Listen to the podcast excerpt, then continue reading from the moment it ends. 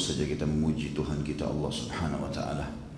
Zat yang maha hidup, berdiri sendiri, yang maha kuat, maha bijaksana, maha perkasa Yang telah menciptakan semua yang di langit, semua yang di bumi, semua yang di kedalaman lautan Kelihatan atau tidak kelihatan oleh mata manusia. Beruntunglah setiap orang yang bergantung dan beriman kepada Allah subhanahu wa ta'ala Dan rugilah orang yang memungkiri keimanan kepadanya. Karena semua yang beriman akan tahu mana panduan hidupnya Mana yang boleh dan mana yang tidak boleh Yang halal dan haram Dan semua orang yang kufur Maka tidak mengetahui mana yang boleh dan mana tidak boleh Sementara yang patuh dibalas dengan surga Dan yang durhaka akan dibalas dengan neraka maka sangat wajar kalau kita sering memuji Tuhan kita ini apalagi ia menggantungkan segala nikmat yang dia berikan kepada kita dengan kalimat Alhamdulillah. Juga kita menjadikan salam hormat kita senantiasa kepada manusia terbaik. Pilihan Nabi, pilihan Allah Subhanahu wa taala, nabi penutup dan pemimpin para nabi dan rasul, Nabi Muhammad sallallahu alaihi wasallam. Beruntunglah kita menjadi umatnya karena beliau sendiri bersabda, tidak ada satupun dari umat sebelum kalian kecuali berharap menjadi kalian karena kita dipimpin oleh Nabi yang terbaik, Nabi yang diutus oleh Allah Subhanahu Wa Taala untuk seluruh alam semesta. Sementara nabi-nabi yang lainnya diutus khusus untuk kaumnya saja. Dan beliaulah yang akan jadi pemimpin di dunia ini dan ajarannya akan mulia dan akan memimpin dunia. Juga di akhirat akan menjadi pemimpin para nabi dan rasul dan orang yang paling pertama mengetuk pintu surga dan masuk ke dalamnya. Sebagaimana sabda beliau sallallahu alaihi wasallam, Akulah manusia yang paling pertama masuk atau mengetuk pintu surga dan dibukakan dan aku pertama yang masuk ke sana dan tidak ada kesombongan di situ. Juga beliau mengatakan surga diharamkan untuk nabi-nabi sebelumku dan juga diharamkan untuk umat-umat sebelum umatku. Maka sangat wajar kalau kita bangga dan sering membacakan salawat salam hormat kita kepada Nabi Muhammad SAW. Teman-teman sekalian, saya secara pribadi mengucapkan Selamat datang di kisah serial sahabat Karena kita sedang membahas serial manusia terbaik teman-teman Ada sebuah riwayat Imam Ahmad yang berbunyi kata Nabi SAW Allah melihat hati hamba-hambanya Maka Allah menemukan hati Muhammad lah yang paling bersih Maka diangkatlah Nabi Muhammad SAW Diangkatlah Muhammad kata beliau Menyebut namanya sendiri Sebagai Nabi dan penutup para Nabi dan Rasul Dan ini adalah ya, pemimpinnya mereka, pemimpin para nabi dan rasul. Kemudian Allah melihat hati-hati yang paling bersih dan yang paling layak menemani Muhammad, maka ditemukanlah hati para sahabatnya.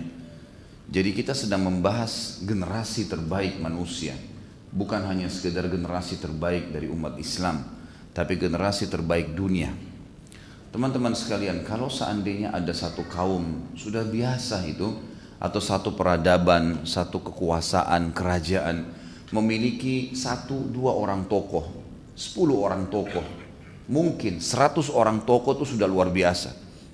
Sampai sekarang kita lihat misalnya negara-negara yang maju, berapa tokoh mereka yang memang mendunia? Kalau sudah sampai nilai seratus itu sangat banyak. Para sahabat Ridwanullah alaihim jumlahnya ribuan.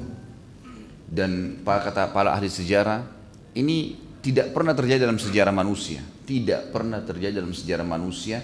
Satu generasi mayoritasnya semua menjadi baik. Dan standarnya sama semua.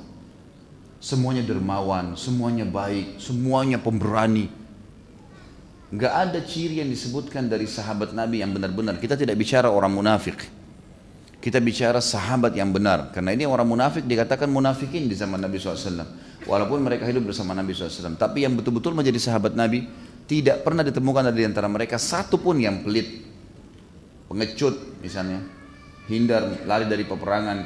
Atau misalnya orangnya jahat. Tidak pernah. Satu generasi semuanya baik. Dan sangat wajar karena Nabi SAW sudah mengatakan dalam hadis riwayat Muslim, ter, ya, abad atau generasi terbaik adalah generasiku. Nabi SAW dan para sahabat. Lalu datang generasi setelahnya yang menciplak kehidupan para sahabat. Lalu datang setelahnya generasi yang menciplak kehidupan para tabi'in yang menciplak dari para sahabat ridwanullahi alaihim. Jadi teman-teman kita bukan sedang bicara tokoh Arab atau sebuah dongeng masa lalu. Kita sedang bicara tentang generasi terbaik manusia. Generasi terbaik yang mengikuti manusia atau nabi yang terbaik. Nabi Musa alaihissalam pernah memilih 70 orang sahabatnya khusus untuk mengikuti dan patuh kepada Allah. Dan ini pilihan. Ya. Allah menyebutkan dalam Al-Quran, dalam surah Al-A'raf tentang masalah itu, 70 orang dipilih. Tapi diceritakan juga dalam Al-Quran bagaimana perilaku mereka kepada Musa. Pada saat Musa alaihissalam mengatakan, ayo kita masuk ke Palestina, menyerang di sana. Jawaban mereka, para sahabat Musa alaihissalam yang yang 70 terbaik itu, mereka mengatakan, pergilah kau dengan Tuhan wahai Musa berdua. Kami akan tunggu di sini. Kalau sudah menang, baru kami ikut-ikutan masuk. Kalau enggak, enggak. Sahabat terbaiknya Musa alaihissalam ini. Al-Quran menceritakan masalah itu. Mereka juga yang mengatakan, kami akan memastikan iman kami sempurna hai Musa, kalau engkau memperlihatkan kepada kami Allah. Seperti itu. Tapi para sahabat Ridwanullahi alaihim berbeda sekali. Sahabat Nabi SAW berbeda. Sampai waktu Nabi SAW akan berperang Badr, maka beliau mengatakan, saya keluar tadinya memang untuk menghadang kafilah Quraisy dan tidak ada kebohongan di situ. Emang sudah begitu. Hanya saja dengan hikmah Allah terjadilah pertemuan antara pasukan ini ya, yang akan menghadang kafilah dengan pasukan Quraisy 314 melawan 1000. Bagaimana pendapat kalian?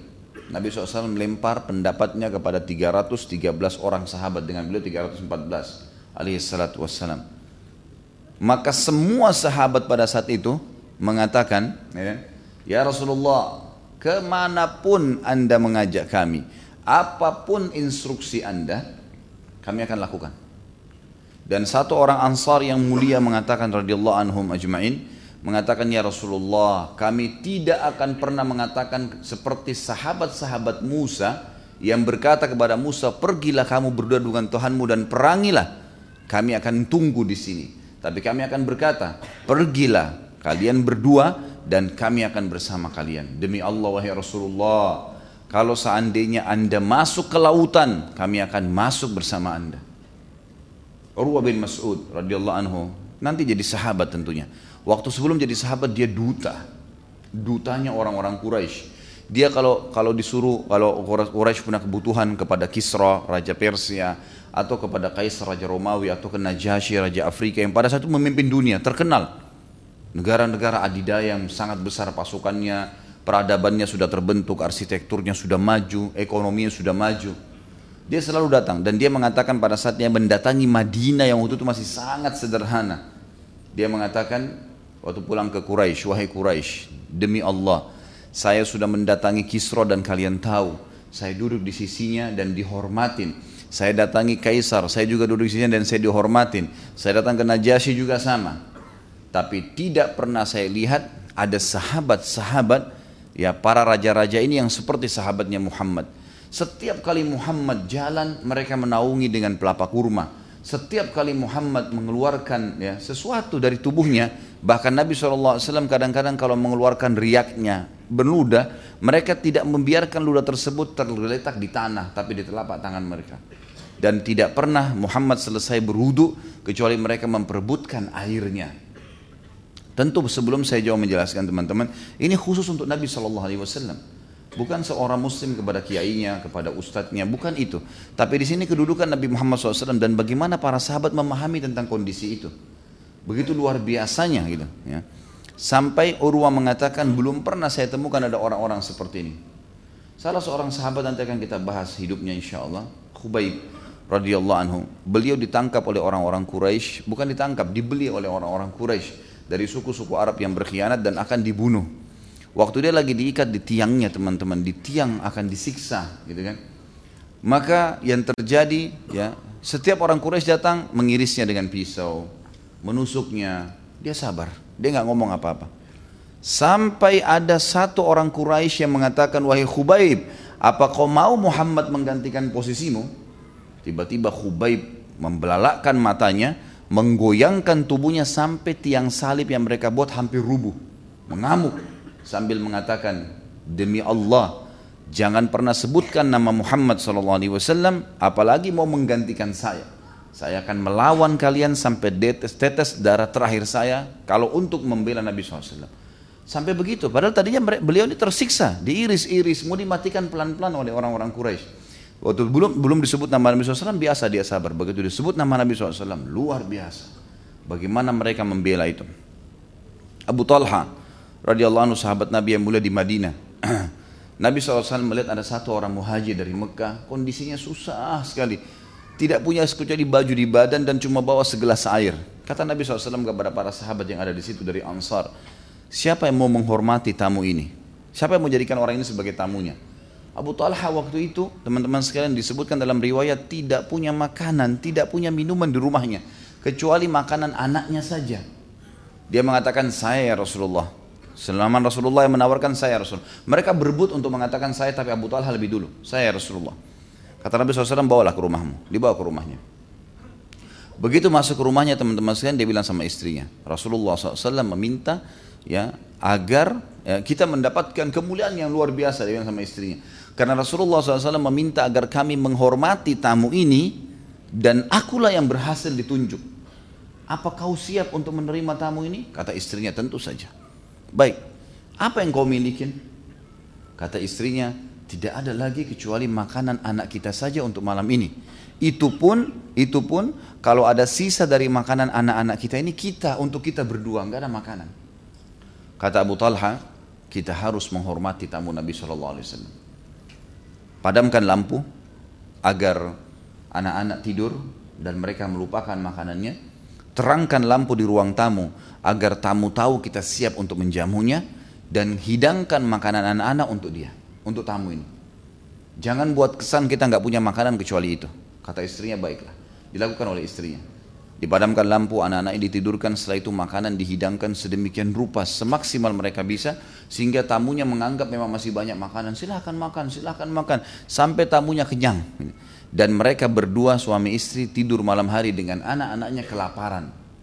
Dalam kondisi karena ingin menghormati tamu Nabi SAW. Luar biasa gitu. Pengorbanan yang mustahil terjadi oleh generasi manusia ini kalau bukan karena Allah Subhanahu wa taala memilih mereka. Luar biasa. Maka malam itu mereka menginap gitu kan dalam kondisi kelaparan teman-teman sekalian turun firman Allah Subhanahu wa taala memuji mereka. Bahwasanya ada di antara sahabat-sahabat Nabi itu yang yu'thiruna ala anfusihim walau kana bihim khasasah. Mereka memaksakan diri mereka walaupun mereka butuh itu demi untuk menjalankan perintah Allah dan Rasulnya. Generasi emas. Bagaimana memang mereka sangat layak teman-teman kita untuk kita jadikan sebagai idola kita tahu namanya, tahu bagaimana rumah tangganya, tahu bagaimana perjuangannya dan mereka yang harus setiap hari kita baca kisahnya. Bukan lagi kisah dongeng yang bohong. Setiap hari sibuk dengan tunggu serial keempatnya, kelimanya Spiderman, Batman dan kisah dusta semua. Yang tidak ada sama sekali dan itu membuat orang-orang Islam jadi vakum, tidak mengenang lagi tentang perkembangan agama mereka, tidak ada lagi kemuliaan dengan Al-Quran dan Sunnah, kembali saya reviewkan. Nabi Muhammad SAW teman-teman waktu hijrah ke Madinah tahun 1 Hijriah. Nabi Ummi babi yang buta huruf nggak bisa baca nggak bisa nulis. Nabi SAW waktu itu berhadapan di kota kecil Madinah yang hanya dipenuhi dengan pohon-pohon kurma dan bangunan dari tanah liat dengan dua peradaban besar Romawi dan Persia. Tidak ada yang tidak kenal bagaimana peradaban mereka dari ahli sejarah Jelas bangunan mereka sangat berkembang arsitekturnya, sistem ekonominya, militernya terkenal sekali. Setiap orang datang ke wilayah Bizantium pasti kagum dengan bangunannya. Ke Persia juga begitu dengan pasukannya, dengan ekonominya, dengan dengan perkembangan uh, kelebihan fisik masyarakatnya dan seterusnya. Tapi apakah Nabi SAW waktu ingin mendirikan negara pertama dalam Islam di Madinah meminta tolong sama mereka? Ini dalam kondisi Nabi SAW perhatikan baik-baik waktu itu Madinah sangat sederhana, sangat kecil, nggak ada peradaban, nggak ada. Sangat sederhana. Orang dari kebun kurma jual di pasar, titik. Itu mayoritas pekerjaan mereka. Nggak ada yang lain teman-teman sekalian. Apalagi kalau kayak kita sekarang, generasi sudah sangat luar biasa. Teknologi di mana-mana. Umat Islam masih bergantung sama orang kafir. Perhatikan teman-teman sekalian waktu itu Nabi SAW tidak pernah minta satu pun pertolongan kepada orang Romawi dan Persia. Tolong kirimkan misalnya bagaimana kami belajar dari sisi militer, dari sisi ekonomi dipindah, dipindahkan misalnya, atau peradaban, atau arsitektur, sama sekali tidak. Yang dibangun adalah Al-Quran dan Sunnah karena beliau manusia terbaik dari seluruh keturunan suku yang ada di muka bumi ini. Beliau adalah penutup para nabi dan rasul dan apa yang dibawa adalah ajaran yang paling benar. Dan sahabat memahami masalah itu mereka bersama Nabi SAW membangun dari nol teman-teman sekalian. Terbangunlah peradaban dunia yang sangat besar dan Islam telah mengubah wajah dunia. Mengubah wajah dunia. Dengan ajaran Nabi Muhammad SAW mereka keluar dari padang pasir. Mereka ekspansi Islam dan yang disebarkan Al-Quran dan Sunnah. Tidak ada yang lain sama sekali. Luar biasa. Coba ikutin uh, serial kita 10 yang sahabat yang lalu. Bagaimana mereka memiliki kiprah yang luar biasa. Tidak bisa dibayangkan gitu. Datang ke negeri Persia dengan keledainya yang tua. Dengan pisau dapurnya yang dipakai untuk berperang di jalan Allah subhanahu wa ta'ala. Bahkan ada di antara mereka yang menggunakan panci yang dipakai masak sebagai pembela atau penutup batok kepalanya supaya tidak kena dengan musuh. Tapi mereka datang dan mengatakan kami telah dimuliakan dengan Islam. Mengeluarkan manusia dari menyembah manusia kepada penyembahan kepada Allah Tuhan alam semesta. Tidak berpengaruh kerajaan bagi mereka, tidak berpengaruh kekayaan bagi mereka. Ini generasi dicetak oleh utusan Allah yang terbaik teman-teman. Kenapa sekarang banyak umat Islam yang disayangkan, sibuk dengan negara-negara kafir, akan maju kalau ikut dengan negara ini, akan maju kalau ikut dengan ekonomi ini. Dan kita sudah ambil pelajaran.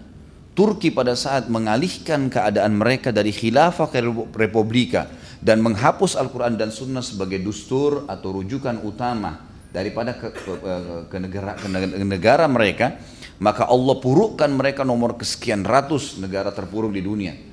Pada saat sekarang mereka mau coba kembalikan kepada Al-Quran dan Sunnah, militer sudah boleh sholat berjamaah, dan, dan, dan, dan seterusnya. Mereka coba mengembalikan, coba membela Islam, Allah menjadikan Turki sekarang menjadi negara nomor dua di dunia yang luar biasa. Di Eropa, di NATO yang terkenal dengan kemajuannya.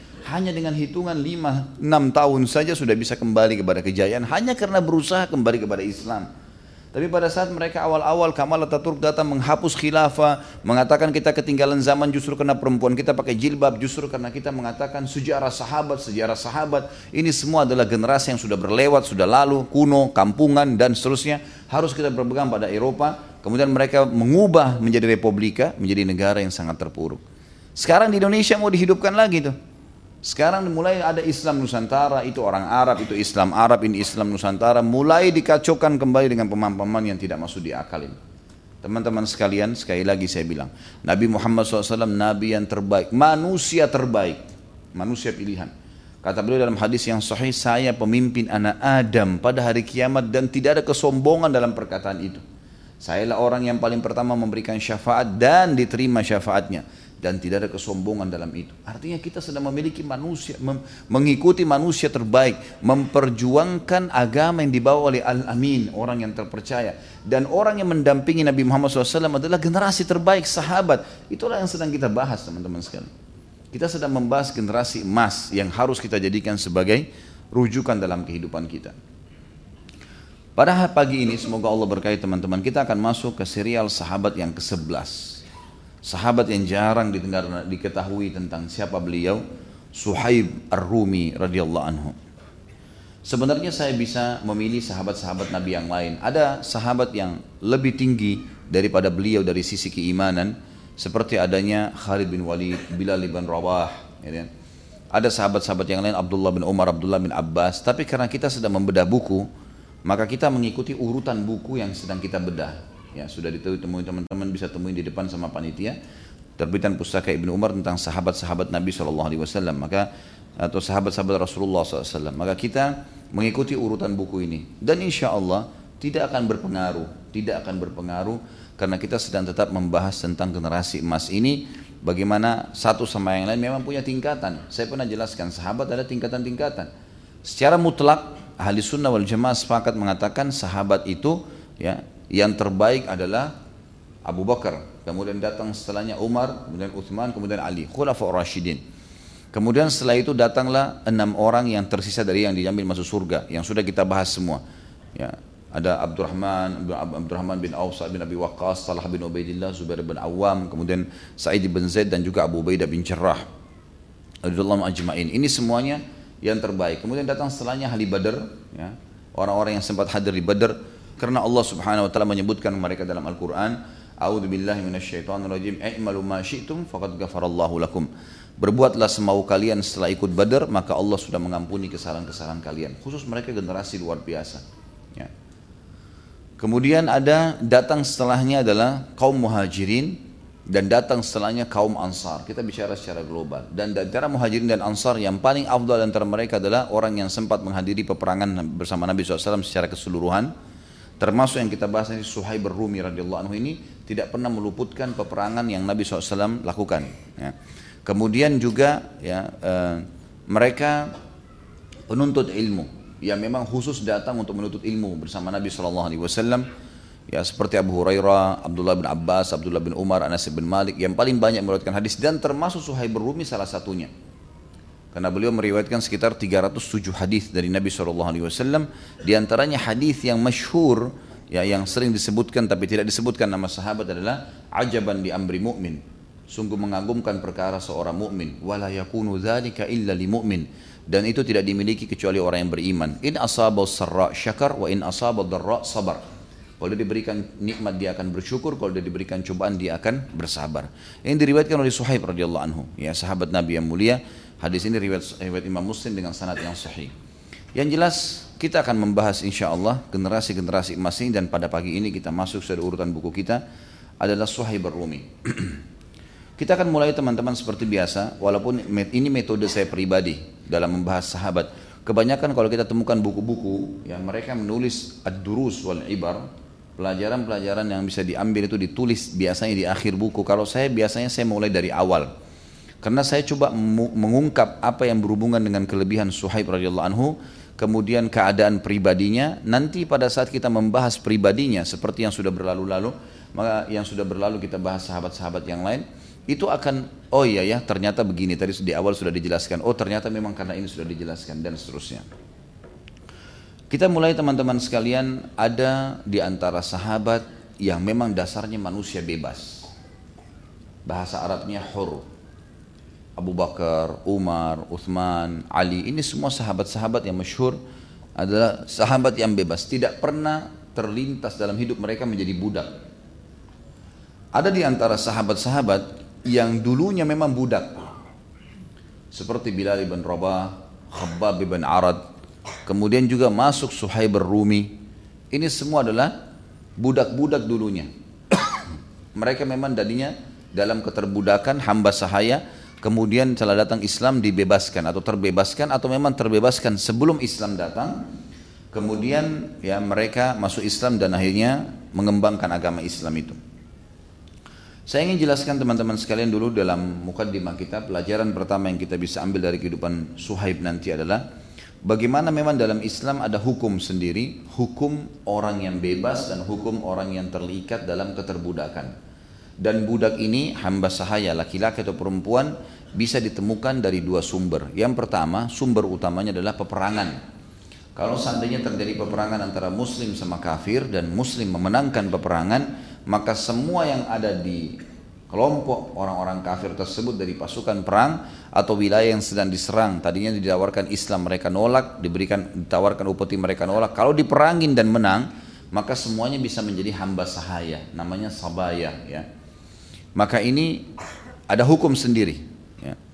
kalau dalam bahasa lain Al-Quran juga menyebutkan dengan raqabah raqabah itu orang yang lehernya terikat terbelenggu karena dia diatur oleh tuannya ini ada memang hukum dalam Islam. Tentu teman-teman sekalian, Islam agama yang sempurna dan mengatur hukum perbudakan ini. Setiap buku-buku fikih kita menjelaskan tentang masalah raqabah ini, khusus untuk masalah budak yang dibawa naungan seorang muslim. Yang pertama, dalam Islam dianjurkan membebaskan mereka. Setiap kita dapat budak, bebasin. Dapat budak, bebasin. Ini hukum syar'i. Dan ini ibadah, ibadah sendiri. Sering Allah SWT menyebutkan fatahrir raqabah, bebasin budak, bebasin budak. Di antaranya Allah sebutkan dalam surah Al-Balad, surah nomor 90 ayat 13. A'udzu billahi minasyaitonir rajim wa ma adraka mal aqabah fakku raqabah. Apakah kalian tahu apa itu pahala yang banyak? Maka kata Allah SWT membebaskan raqabah. Membebaskan orang yang terlilit dengan keterbudakan. Pernah saya jelaskan di kehidupan 10 orang sahabat yang masuk surga di antaranya Zubair bin Awam, Abdurrahman bin Auf, Uthman bin Affan, sahabat-sahabat yang kaya dan baik yang tadinya bebas, mereka paling gemar setiap ada uang terkumpul, harta terkumpul, mereka beli budak, mereka bebasin. Di antaranya sudah pernah kita sebutkan tentang Zubair bin Awam radhiyallahu anhu yang beliau membeli uh, setiap hari 30 sampai 36 budak sesuai dengan kemampuan lalu kemudian dibebasin sama dia. Dan ini sebuah ibadah tersendiri. Dan tidak ada agama sebelum agama yang dibawa oleh Nabi SAW mengatur seperti ini. Poin pertama setiap ada budak bebasin, setiap ada budak bebasin. Yang kedua teman-teman sekalian, mereka bisa dijadikan sebagai kafarah pembersihan terhadap dosa yang pernah kita lakukan. Seperti misal orang berhubungan badan suami istri di siang hari Ramadan. Itu nggak boleh berdosa, gitu kan? Kecuali orang musafir atau sakit memang dasarnya tidak puasa. Tapi kalau tidak ada udur syar'i, tiba-tiba orang karena berdekatan dengan istrinya atau suaminya lalu dia bangkit syahwatnya lalu dia berhubungan biologis di siang hari Ramadan, maka kafarahnya adalah membebasin budak. Kalau tidak ada, baru berpuasa dua bulan berturut-turut. Kalau tidak bisa, baru memberikan makan 60 orang miskin. Tapi ada di sini pembebasan budak. Orang yang bersumpah dalam Islam, kemudian sumpahnya salah. Ya, misalnya mengatakan demi Allah iya, demi Allah iya, padahal sebenarnya tidak benar. Dusta ataupun ya tidak sengaja dia bersumpah, tapi dia sudah menggunakan nama Allah, ternyata dia baru tahu dia keliru, maka dendahnya kafarahnya adalah bebasin budak ya, atau memberikan berpuasa tiga hari berturut-turut atau mereka memberikan makan sepuluh orang miskin. Ya. Jadi bisa menjadi pembersihan budak. Termasuk juga misalnya kalau ada seseorang muslim membunuh tidak sengaja muslim yang lain. Ya. Misal di kancah peperangan, seseorang melepaskan anak panahnya, dia targetnya ke orang kafir, jatuhnya ke orang muslim, terbunuh saudaranya muslim atau dia menembak seseorang kafir, dia pikir itu adalah nasra muslim eh, nas, musuh misalnya. Ternyata setelah mati itu orang muslim, terbunuh secara tidak sengaja. Ini termasuk ya Allah Subhanahu wa taala menyuruh untuk memberikan pembebasan budak untuk membersihkan kesalahan tadi. Dan Allah sebutkan ini dalam surah An-Nisa surah nomor 4 ayat 92. A'udzu billahi minasyaitonir rajim wa man qatala mu'minan khata'an fatahriru raqabatin mu'minah. Barang siapa yang membunuh seorang mukmin tanpa sengaja maka dia sebaiknya membebaskan budak mukminah ya. Budak yang sudah masuk Islam dibebasin. Jadi kita lihat di sini disuruh bebasin, disuruh bebasin ya.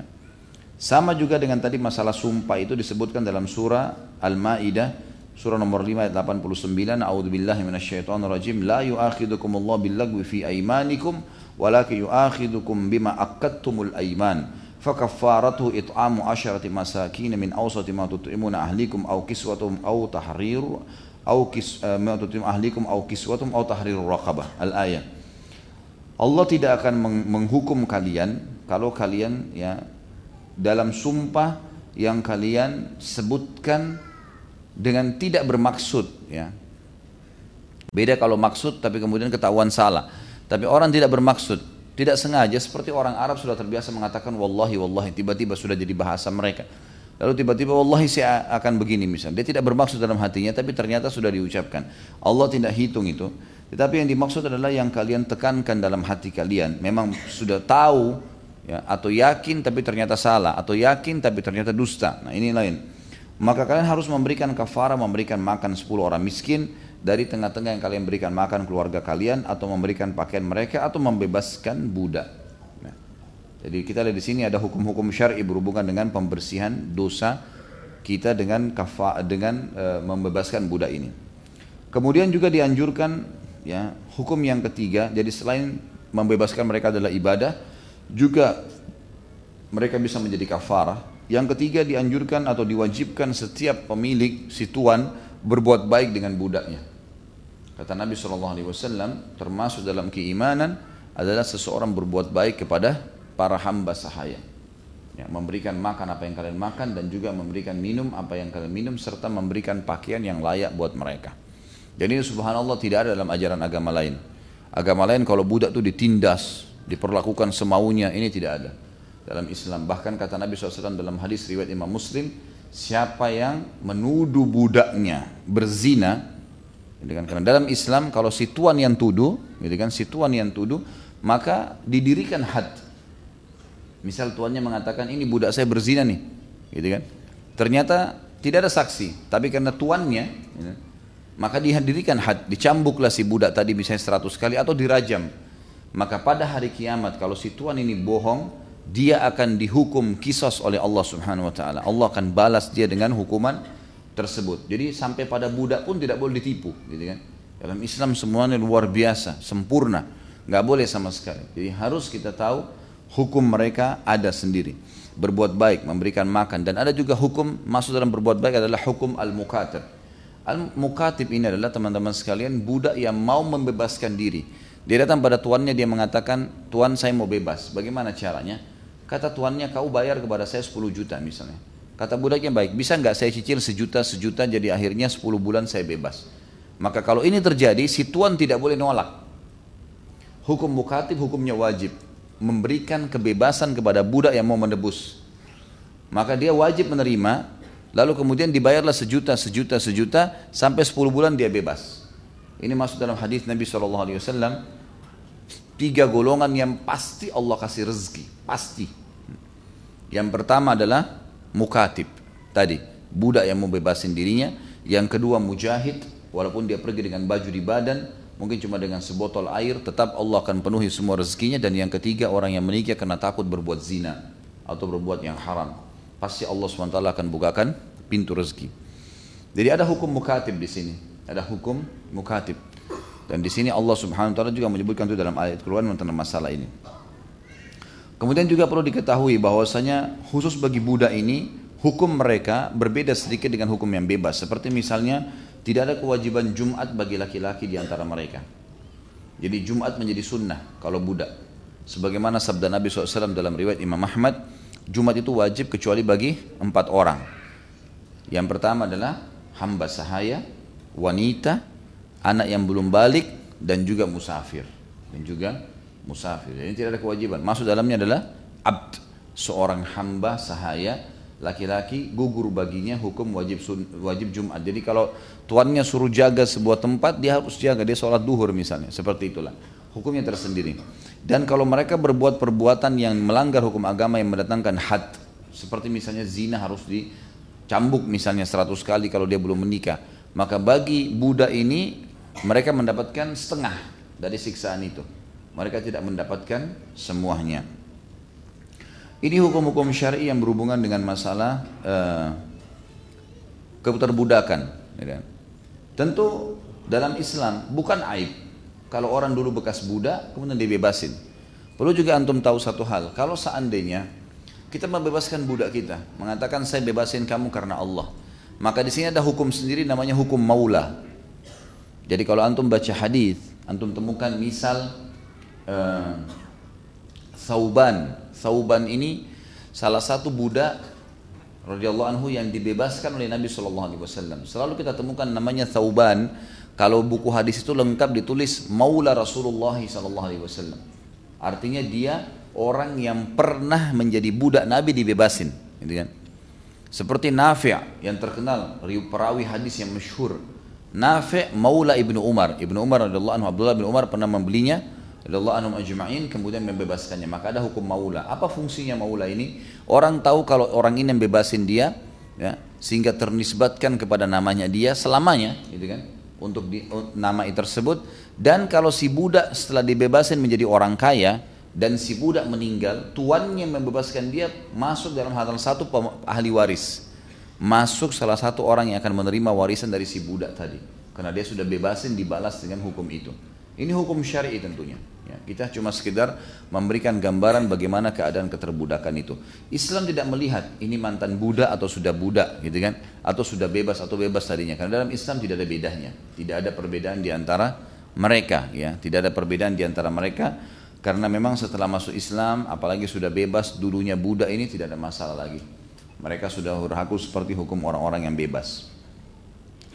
Baik, kemudian itu yang pertama, tentang masalah adanya sahabat yang bebas dan ada yang budak. Dan ini tidak ada hubungannya dengan hubu, hubu, eh, apa namanya hubungan mereka dengan Allah Azza Wajalla. Yang kedua teman-teman sekalian yang kita bisa ambil pelajaran nanti dari Suhaib radhiyallahu anhu adalah ada mutakhir fi tahdidil haq wa tamassuk bihi. Ya saya tulis memang dalam bahasa Arab ini. Setelah saya simpulkan maka saya ambil seperti itu. Jadi tidak pernah terlambat dalam mengambil keputusan dalam kebenaran gitu kan? Dan selalu berpegang teguh setelah itu komitmen sampai mati Ini cirinya sahabat semua ini, Ridwanullah alaihim. Tapi nanti dalam kehidupan Suhaib ini ada ciri khas memang di situ. Ya, terkenal juga dengan poin itu. Sebagaimana sabda Nabi Shallallahu Alaihi Wasallam, as-sibaku arba'ah, as-sibaku arba'ah. Orang yang telah menang, yang berhasil, sibak itu digunakan untuk orang yang bertanding kuda, kemudian berhasil menang. Orang yang menang, berhasil, sukses adalah empat ya, untuk seluruh dunia ini kata beliau. Ana sabikul Arab. Saya orang yang menjadi pemenangnya orang-orang Arab. Karena saya yang jadi nabi yang mengajak mereka maka seluruh orang Arab hanya bisa ikut setelah itu. Lalu kata Nabi SAW, wa suhaib sabikur rum. Dan suhaib yang sedang kita bahas ini adalah pemenangnya dan pendahulunya Rum, orang-orang Romawi. Karena diberikan julukan Suhaib Ar-Rumi, gitu kan. Dan kata, lalu kata Nabi SAW, wa Bilal sabikul Habasyah. Dan Bilal adalah pemenangnya orang-orang Habasyah, Ethiopia, Afrika. Artinya orang masuk Islam pun setelahnya ini ini orang pertamanya nih. Ya, dia pemenangnya. Wa Salman sabikul Furs. Dan Salman adalah pemenangnya ya Persia. Dan subhanallah Sabda Nabi SAW ini seperti sudah memetakan seluruh dunia karena Persia berada di timur Jazirah Arab, gitu kan? Irak, Iran, Afghanistan, Rusia, India dulu sebagian besar itu ini semua masuk dalam Persia lah, gitu kan? Kemudian ini sudah dikatakan tadi Salman dari situ. Sementara Suhaib dari Rum, Rum itu semua wilayah utaranya Jazirah Arab, semuanya, gitu kan? Misal uh, Palestina, Syria, Lebanon, uh, Yordania, kemudian Turki, masuk ke seluruh Eropa. Ini dulu dikenal dengan wilayah Bizantium, wilayah Rum. Dan di situ kata Nabi SAW, Suhaib adalah pemenangnya. Kemudian wilayah baratnya Afrika, dulu di zaman Nabi SAW itu yang paling terkenal adalah Najasyi, kerajaan Ethiopia, menguasai seluruh Afrika. Maka Nabi SAW memberikan gambaran barat Jazirah Arab, Bilal lah pemenangnya. Gitu kan. Sementara di kantong pusat keislaman Arab sendiri Nabi Muhammad SAW. Tapi kita ambil pelajaran teman-teman sekalian bagaimana Nabi SAW memposisikan tiga orang sahabat ini sejajar dengan beliau alaihissalatu wassalam dalam masalah ini. Karena beliau mengatakan yang menang adalah empat golongan tadi. Kita akan jelaskan nanti insya Allah bagaimana bagaimana sampai bisa ada gambaran Suhaib itu adalah orang yang mendahului orang-orang Romawi. Nanti akan kita jelaskan bagaimana masuk Islamnya beliau radhiyallahu anhu dan bagaimana hijrahnya ke Madinah. Tapi saya akan pindah dulu ke poin yang ketiga teman-teman sekalian tentang masalah pelajaran yang bisa kita ambil dan ini sengaja supaya nanti ke depannya kita sudah bisa faham apa yang akan saya jelaskan. Yang masuk adalah ahamiyatul hijrah, pentingnya hijrah dalam fil Islam, pentingnya hijrah dalam Islam teman-teman sekalian dan perlu diketahui annal Islam muqaddamun min kulli syai. Islam itu didahulukan dari segala sesuatunya.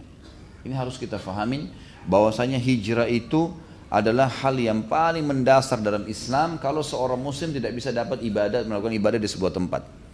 Makanya Nabi SAW bersabda dalam sebuah hadis riwayat Hakim dan juga Imam Ahmad yang berbunyi, "Ana bariun mimman asya baina adhurul musyrikin."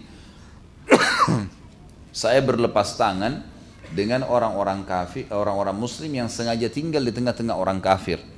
Sehingga kalau mereka susah untuk beribadah, mereka susah untuk kalau mati nanti dimakamkan di mana, cari makanan halalnya susah, bentuk komunitasnya susah.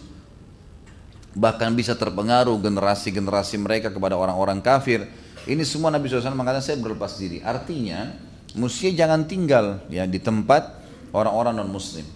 Kalau anda bilang baik, negara saya maju, kemudian saya pindah ke negara Islam, mungkin negara Islam itu belum maju. Nabi Allah SWT mengatakan dalam surah An-Nisa, surah nomor ya, 4 dalam Al-Quran dijelaskan ayat 100-nya.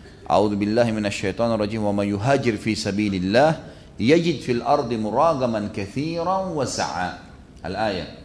Siapa yang berhijrah di jalan Allah, Allah akan berikan kepadanya muragaman katsira wa sa'a. Muragaman itu kata sebagian ulama tafsir furas, kesempatan-kesempatan, peluang-peluang yang banyak muragaman katsira, banyak dia dapatkan peluang nanti. Wasa'a dan kelapangan rezeki. Makanya saya masukkan dalam salah satu ya penyebab bertambahnya rezeki dalam tema saudaraku yang adalah rahasia rezekimu adalah hijrah. Karena Allah Subhanahu wa taala berfirman di sini. Ya. Ada kasus nanti berhubungan dengan Suhaib radhiyallahu anhu pada saat beliau hijrah dari Mekah ke Madinah karena beliau termasuk muhajir. gitu kan? Dan ini sahabat mulia bergabung padanya orang yang pertama masuk Islam dari orang-orang Romawi, kemudian juga dulunya ya di Mekah, kemudian muhajir dan ini sahabat juga punya kedudukan muhajirin. Allah mendahulukan ya, al-muhajirin wal ansar. Orang-orang muhajir didahulukan daripada orang-orang ansar. Kemudian juga banyak kelebihan yang lain nanti akan kita sebutkan dari fadail beliau ya, radhiyallahu anhu. Yang jelas hijrah ini adalah sebuah simbol yang harus difahami dalam Islam dan kita ambil pelajaran nanti dari hijrahnya Suhaib radhiyallahu anhu. Kemudian yang keempat teman-teman sekalian, kita akan lihat pelajaran nanti ternyata setelah masuk Islam. Dan Islam itu memang tidak membedakan antara orang Arab dan orang Ajam. Karena Suhaib dianggap dari negara Romawi. Walaupun dia turunan Arab sebenarnya. Nanti akan kita jelaskan riwayat hidup beliau. Dan kenapa ada julukan Ar-Rum ya. Sebenarnya dia turunan Arab, tapi bukan bukan orang bule gitu kan, tapi memang per, uh, ke, keperawakannya ya itu seperti orang bule. Memang seperti orang-orang Barat karena dia dari kecil nanti dijadikan budak di wilayah Romawi, diperebutkan, diperjualbelikan sampai akhirnya tiba di Jazirah Arab atau tepatnya di Mekah. Tapi yang jelas teman-teman sekalian, sabda Nabi SAW yang mulia, La farqa bainal arabi wa ajamin illa bittaqwa. Tidak ada perbedaan antara Arab dan Ajam kecuali dengan ketakwaan. Dan ini asas agama kita. Siapa yang paling bertakwa teman-teman, walaupun dia berkulit hitam, pendek, gemuk, jelek pun, tapi kalau dia dekat dengan Allah Subhanahu wa taala, maka dia adalah orang yang paling mulia di sisi Allah. Walaupun gagah, tinggi atau cantik ya, dan kaya berwibawa, tapi tidak ada takwa, tidak ada ibadahnya kepada Allah Azza wajalla, tidak patuh dengan Allah, ya, tetap melanggar hukum Allah, tidak ada nilainya sama sekali. Tidak ada nilainya sama sekali. Ya. Secantik apa pun, segagah apa pun, sepintar apa pun, tidak ada nilainya di mata Allah Subhanahu wa taala selama mereka tidak masuk Islam. Maka ini harus kita tahu teman-teman sekalian dan Islam membangun asas persaudaraan yang sangat kuat. Sebagaimana kita tahu hadis Nabi SAW yang berbunyi ya e, dalam hadis yang masyhur orang mukmin sama mukmin yang lain lewat Bukhari Muslim orang mukmin sama mukmin yang lain seperti satu jasad. Ya. Kalau satu luka tergores sedikit jarinya maka seluruh tubuhnya akan demam. Jadi sudah tidak ada perbedaan lagi. Oh ini bekas budak nggak ada. Oh ini orang Afrika nggak ada lagi. Oh ini orang Arab nggak ada kelebihan. Oh ini orang Melayu, ini orang Eropa dan seterusnya tidak ada perbedaan lagi sama sekali. Kecuali dengan ketakwaan. Makin patuh makin dimuliakan oleh Allah Azza wa. Ya. Dan ini bisa kita lihat dalam realita kehidupan kita. Subhanallah banyak sekali kehidupan orang-orang yang saleh, keadaan fisiknya mungkin biasa tapi dengan ketakwaannya kepada Allah, maka Allah muliakan dia. Apalagi kalau dia bisa menggabungkan antara keduanya, punya kelebihan fisik, kelebihan dunia dan kelebihan ketakwaan kepada Allah ini luar biasa. Makanya pernah sahabat-sahabat miskin dalam hadis Bukhari datang kepada Nabi SAW mengatakan, Ya Rasulullah, sahabat-sahabat kami yang kaya, ya, mereka telah mendahului kami dari sisi pahala karena mereka mereka sholat kami sholat mereka eh, mereka sholat, kami sholat. Kami juga dapat pahala itu. Ini. Mereka puasa, kami puasa. Mereka haji, kami haji. Mereka jihad, kami jihad. Tapi mereka punya kelebihan mensodokakan hartanya kepada kami. Kami tidak dapat pahala itu. Bisakah anda beritahukan kepada kami amalan yang kalau kami kerjakan, maka insya Allah ya, amal itu ya, amal itu bisa menyaingi sodokah mereka. Kata Nabi SAW, amalkan habis sholat subhanallah 33, alhamdulillah Allah Akbar 33. Amalkan itu. Mereka pun mengamalkan. Lalu kemudian mereka kembali lagi dan mengatakan, Ya Rasulullah beberapa hari kemudian sahabat-sahabat kami yang kaya mendengarkan hadis anda itu. Ya mereka ngamalin tuh. Sekarang beritahukan lagi kami pahala yang lain. Kata Nabi SAW apa? Zalika fadlullahi yu'tihi mayasya. Itu karunia Allah yang Allah berikan kepada siapa yang dia inginkan. Tentu kita sebagai seorang muslim disuruh kejar target terbaik. Menjadi orang yang paling terbaik. Segala sesuatunya kita harus dilakukan jadi target yang terbaik. Tetapi Islam tidak membedakan uh, kalau uh, Islam akan membedakan satu hal yaitu ketakwaannya kalau orang itu pun berbeda dari sisi fisik. Tapi kalau orang bisa menggabungkan kelebihan semua itu sangat luar biasa. Itu karunia Allah yang Allah berikan kepada siapa pun yang dia inginkan. Baik kita akan masuk kepada tokoh kita, pahlawan kita ini Suhaib radhiyallahu anhu dan beliau bernama Suhaib bin Sinan bin Malik. Suhaib bin Sinan bin Malik. Beliau dari suku Amir. Suku Amir tentunya suku Arab ya. Jadi ceritanya adalah ayahnya menjadi seorang pemimpin di wilayah yang bernama Al-Ubbalah. Al-Ubbalah ini dekat dengan kota Basra di Irak dan ini ditunjuk sebagai gubernur dari pihak Persia. Jadi dia Suhaib ini anak raja, anak raja kalau kita bahasakan karena ayahnya dulu ini Si Sinan bin Malik ini raja sebenarnya. Tapi karena kekuasaannya berada di wilayah Persia dan takluk oleh Persia, Persia tidak mencabut jabatannya, dibiarkan saja dia jadi situ tetap, tapi ditunjuk sebagai gubernur, cuman di masyarakatnya dianggap sebagai raja gitu. Satu waktu wilayah itu teman-teman sekalian diserang oleh pasukan Romawi. Peperangan antara Romawi dengan Persia, dua negara adik pada saat itu. Dan Romawi berhasil menang, gitu kan. Maka yang terjadi adalah direbutlah, ya, dibunuh semua pengawal-pengawal Suhaib ya termasuk pada saat itu ibunya kalau tidak salah terbunuh kemudian Suhaib pun ditawan oleh orang Romawi lalu dibawa ke wilayah Romawi lalu kemudian tumbuh besarlah menjadi seorang budak hamba sahaya yang diperjualbelikan dari pasar ke pasar. Seperti itulah keadaannya. Tentu uh, dia berasal dari suku Tamim ya suku Arab yang ada tinggal di wilayah Irak pada saat itu. Hanya saja karena sudah lama tinggal di sana di Romawi dari kecil sampai dia berumur belasan tahun, puluhan tahun, di atas 20 tahun dia tinggal di sana akhirnya lidahnya pun sudah mengikuti kalau kita sekarang seperti orang-orang barat. Kemudian e, pada saat dia berbahasa Arab terkenal bahasanya pun tidak bisa maksimal fasih karena ada kebiasaan hidup di Rum. Dan karena dia ke e, keperawakannya pun wajahnya rambutnya itu memiliki mendekati orang-orang barat maka dikatakan Suhaib Ar-Rumi. Padahal sebenarnya dia bukan orang Romawi. Dia hanya di sana diperebutkan sebagaimana saya sebutkan kisahnya tadi kalau dari sisi fisik sendiri beliau berpostur tubuh yang sedang sebenarnya dan kulitnya kemerah-merahan berambut lebat dan uh, diberikan julukan Ar-Rum tadi saya bilang karena dia tinggal ramah di Romawi dan subhanallah ada sebagian orang begini. Kalau dia hidup di satu tempat dan dia terbiasa makan dengan makanan tempat itu maka bisa dia menyerupai ya memirip-mirip dengan orang-orang setempat itu ini sudah menjadi uh, umum di tengah-tengah masyarakat atau di kehidupan manusia tapi tidak semua. Ada orang yang seperti ini.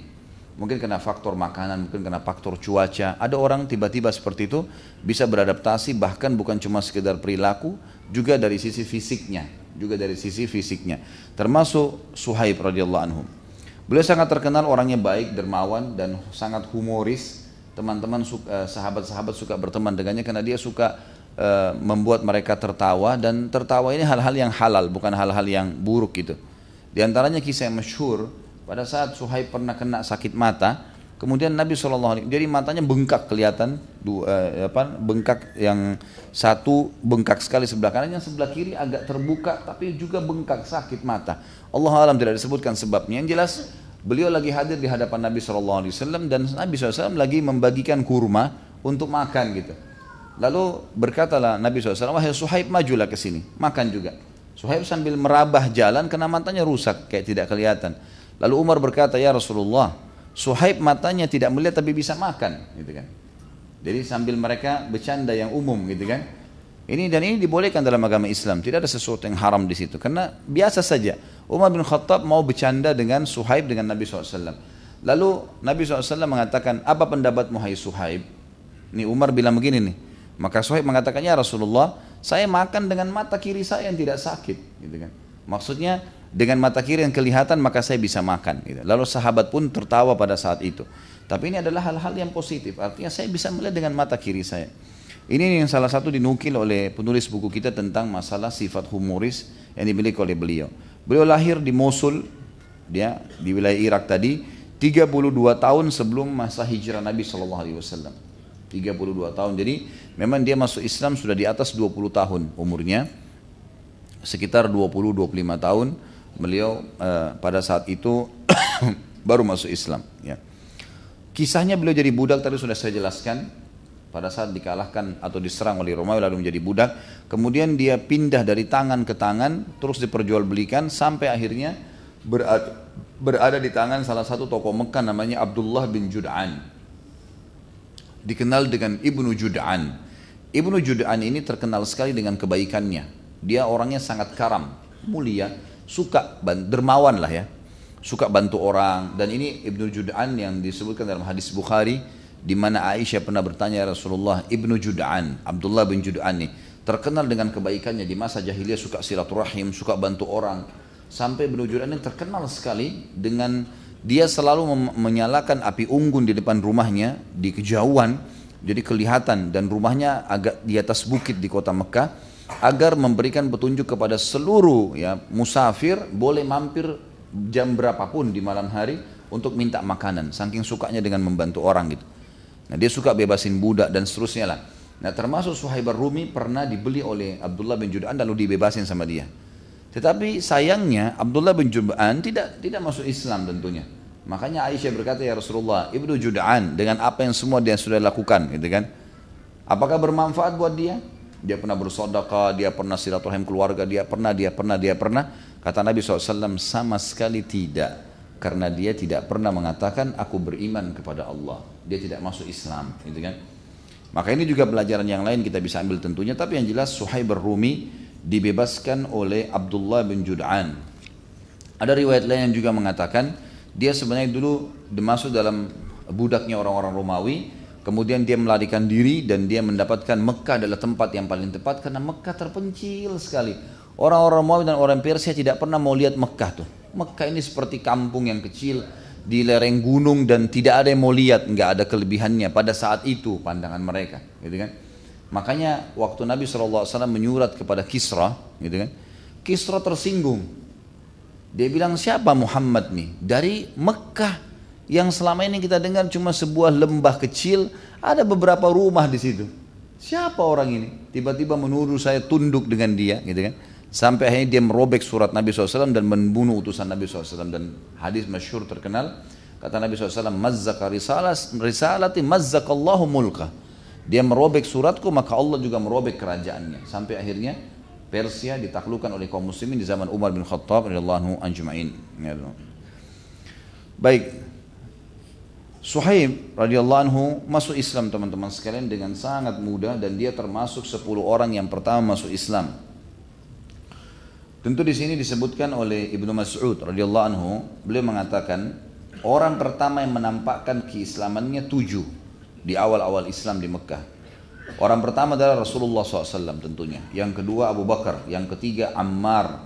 Yang keempat ibunya Ammar, Sumayyah. Yang kelima Bilal. Yang keenam Migdad. Dan yang ketujuh Suhaib. Suhaib masuk dalam tujuh orang yang mengiklankan Islamnya di awal-awal Islam. Di awal-awal Islam. Dan ini bukan hal yang ringan teman-teman sekalian. Berat nih. Ya.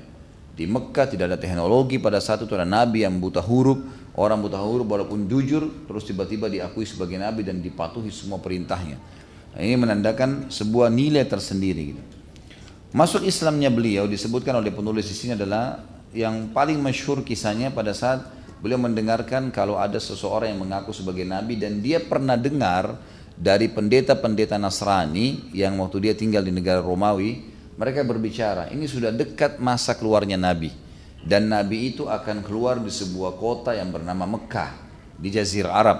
Sebagian ahli sejarah mengatakan Suhaib lari ke Mekah karena masalah ini. Ya, karena dia tahu kalau di situ akan keluar Nabi terakhir. Yang jelas Suhaib pun mengatakan dia mendengarkan dari para pendeta-pendeta tersebut yang bilang akan keluar Nabi terakhir bernama Muhammad dan disebutkanlah ciri-cirinya. Maka Suhaib pun pada saat mendengar Nabi Muhammad SAW mengaku sebagai Nabi, dia spontan pada saat itu mendatangi tempat Nabi SAW berkumpul tepatnya Darul Arkam namanya Darul Arkam Nabi SAW berkumpul dengan para sahabat yang memasuki Islam dan Suhaib pun datang ke sana bertepatan bersama dengan Ammar bin Yasir Ammar terkenal juga nanti kita akan bahas kisahnya.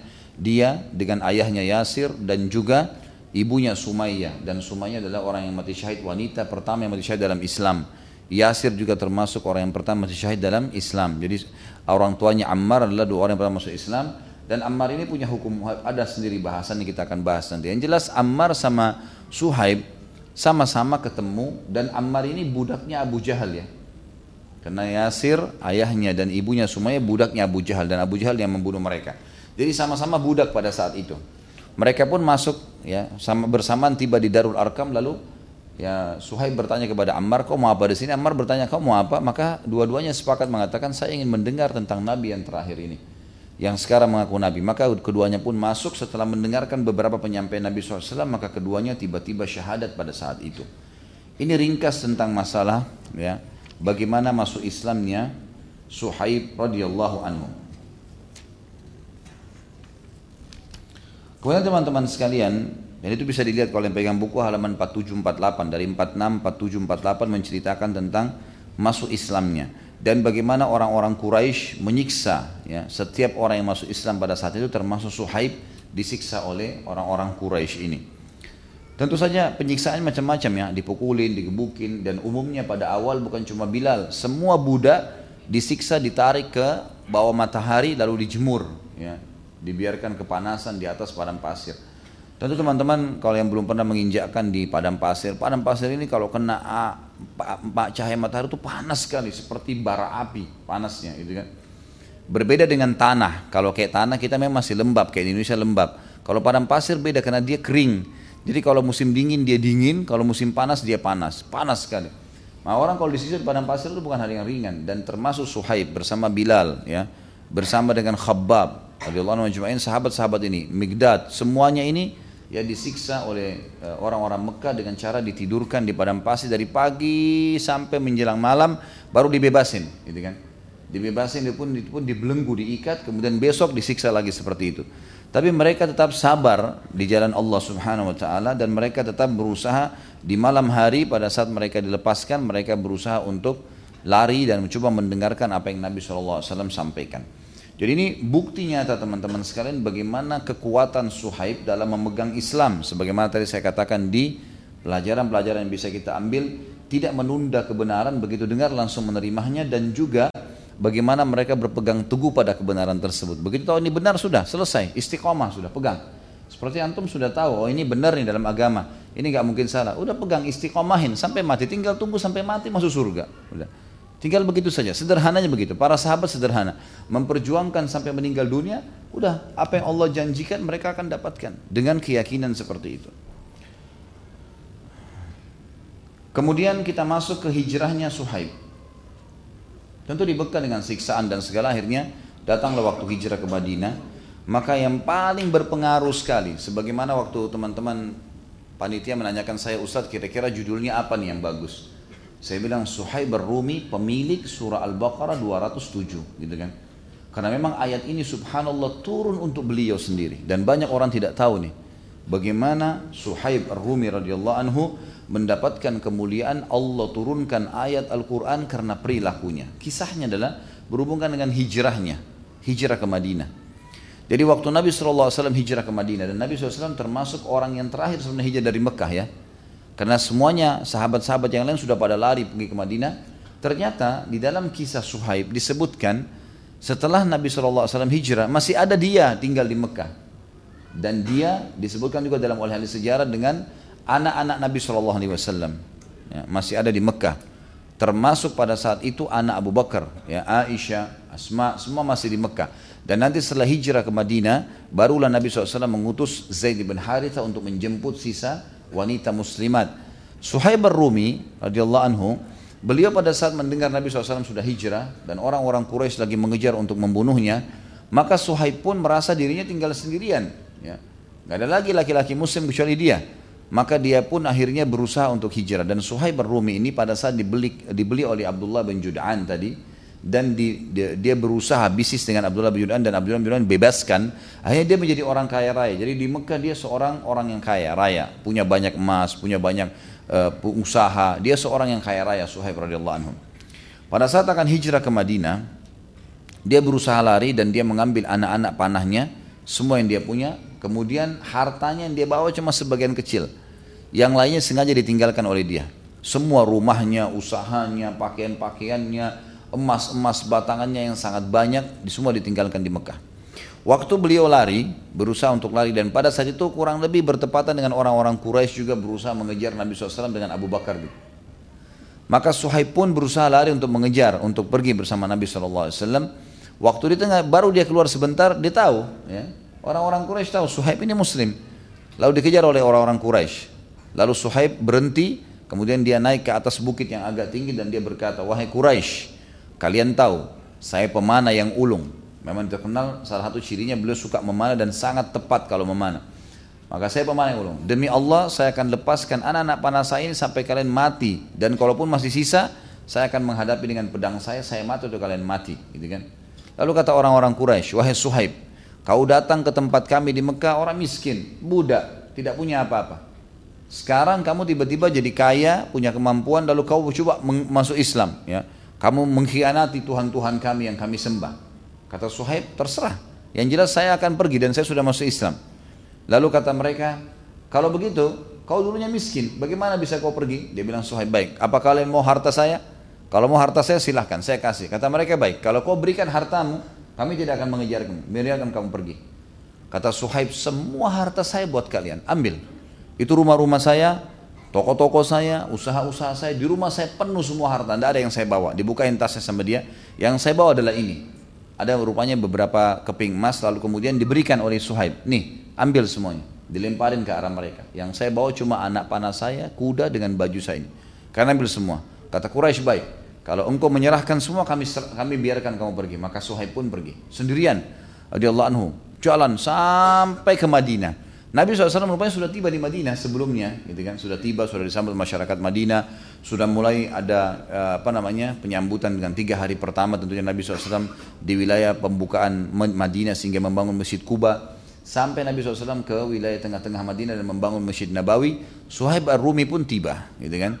Pada saat tiba, tiba-tiba Nabi SAW melihatnya dan mengatakan, wahai Suhaib, ya, kata Nabi SAW, ribhul bayu Aba Yahya, Sungguh jual beli yang menguntungkan wahai Abu Yahya. Perlu kita tahu teman-teman sekalian. Di sini saya tidak sebutkan istrinya dan anaknya karena memang buku-buku sejarah menyebutkan tidak menyebutkan Suhaib memiliki istri dan anak. Bahkan sebaliknya, memang dia tidak sempat menikah sampai meninggal. Bahkan sebaliknya, ini kalau sebagian buku sejarah. Kalau anda mendapatkan memang ada berbeda, Allah alam mungkin itu yang lebih benar. Tapi yang saya temukan memang tidak disebutkan anak dan istri. Bahkan ada riwayat Umar bin Khattab radhiyallahu anhu pernah berkata, "Wahai Suhaib, kalau bukan karena tiga hal, maka kau akan menjadi orang yang paling aku percaya." Gitu kan? Ada tiga hal yang masih ganjal nih. Gitu. Dan setelah Suhaib menjawab Umar radhiyallahu anhu, Umar menjadikan Suhaib menjadi imam sholat di zaman khilafahnya beliau. Artinya pada saat beliau ditusuk sehingga Umar bin Khattab menjelang matinya, sampai enam orang sahabat menunjuk siapa yang jadi kandidat khalifah maka yang jadi imam adalah Suhaib. Dan ini tandanya adalah dia menjadi pemimpin pada saat itu sementara gitu kan? Dan ini sebuah kedudukan. Tidak sembarangan orang jadikan juga sebagai pemimpin sementara. Sampai ada khalifah yang benar yang yang sah baru Suhaib ya digantikan jadi imam.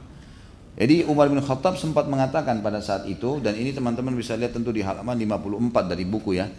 Bagaimana Umar mengatakan wahai Suhaib mengapa engkau dipanggil dengan Abu Yahya? Ya. Sementara engkau tidak mempunyai anak. Ya. Jadi ini pada saat itu di zaman khilafahnya Umar bin Khattab ya. Jadi dari awal beliau uh, dari awal beliau masuk Islam sampai di zaman Umar bin Khattab ini disebutkan tidak punya anak. Sebagian ahli sejarah mengatakan juga belum menikah, gitu kan? Maka dikatakan bagaimana bisa kau punya julukan Abu Yahya sementara kamu tidak punya anak? Karena Umar tadi mengatakan, saya bilang teman-teman, kalau bukan karena tiga hal, hai Suhaib, kau akan menjadi orang yang paling aku percaya di pemerintahan, orang yang di sebelahku, sahabatku dan segala. Tapi ada tiga hal yang masih ganjal nih. Yang pertama, bagaimana bisa kau punya kunyah, punya julukan Abu Yahya sementara kau tidak punya anak, gitu kan? Yang kedua, engkau menyatakan dirimu sebagai orang Arab padahal engkau dari Romawi. Dan yang ketiga, engkau pernah memberi makan dengan jumlah yang besar dan hal itu merupakan pemborosan. Jadi Suhaib pernah mendapatkan uang yang sangat besar, kemudian beliau radhiyallahu anhu menghabiskan uang itu hanya untuk memberikan makan pada saat itu kepada seluruh sahabat yang ada di Madinah, gitu kan.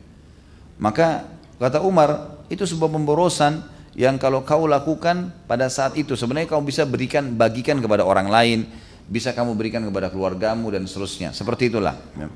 maka Suhaib menjawab Rasulullah SAW kalau kenapa aku memiliki kunyah Abu Yahya?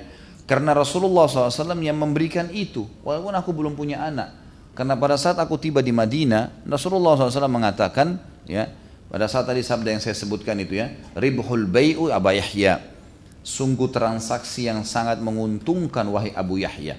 Karena tadi waktu dia bayar dengan seluruh hartanya sampai dia bisa hijrah, Nabi SAW menyambut sambil mengatakan, sungguh transaksi yang sangat menguntungkan wahai Abu Yahya. Sementara itu bukan nama saya, tapi Nabi SAW sebutkan itu, memberikan julukan itu. Kemudian yang kedua, kalau masalah aku mengatakan nasabku dari turunan Arab dan kelainku, maka perlu anda tahu, aku adalah laki-laki dari suku An-Namir bin Qasid, dari Al-Musil, dari Irak.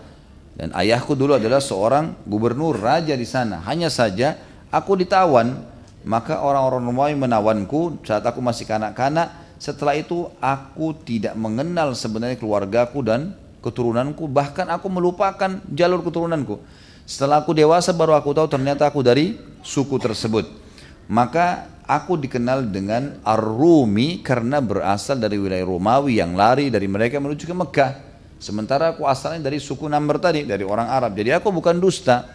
Dan yang ketiga, mengenai ucapan anda tentang makanan dan bahwasanya ia merupakan pemborosan, maka aku telah mendengarkan sabda Nabi Shallallahu Alaihi Wasallam, Inna khiyarakum man at'amat ta'ama wa salam. Sesungguhnya orang terbaik dari kalian adalah orang yang memberi makan dan menjawab salam. Hadis inilah yang membuatku memberi makan pada saat itu tanpa ada pertimbangan. Gitu ya. Maka dari perbuatan ini Umar bin Khattab akhirnya menjadikan Suhaib sebagai penasehat pertamanya, utamanya.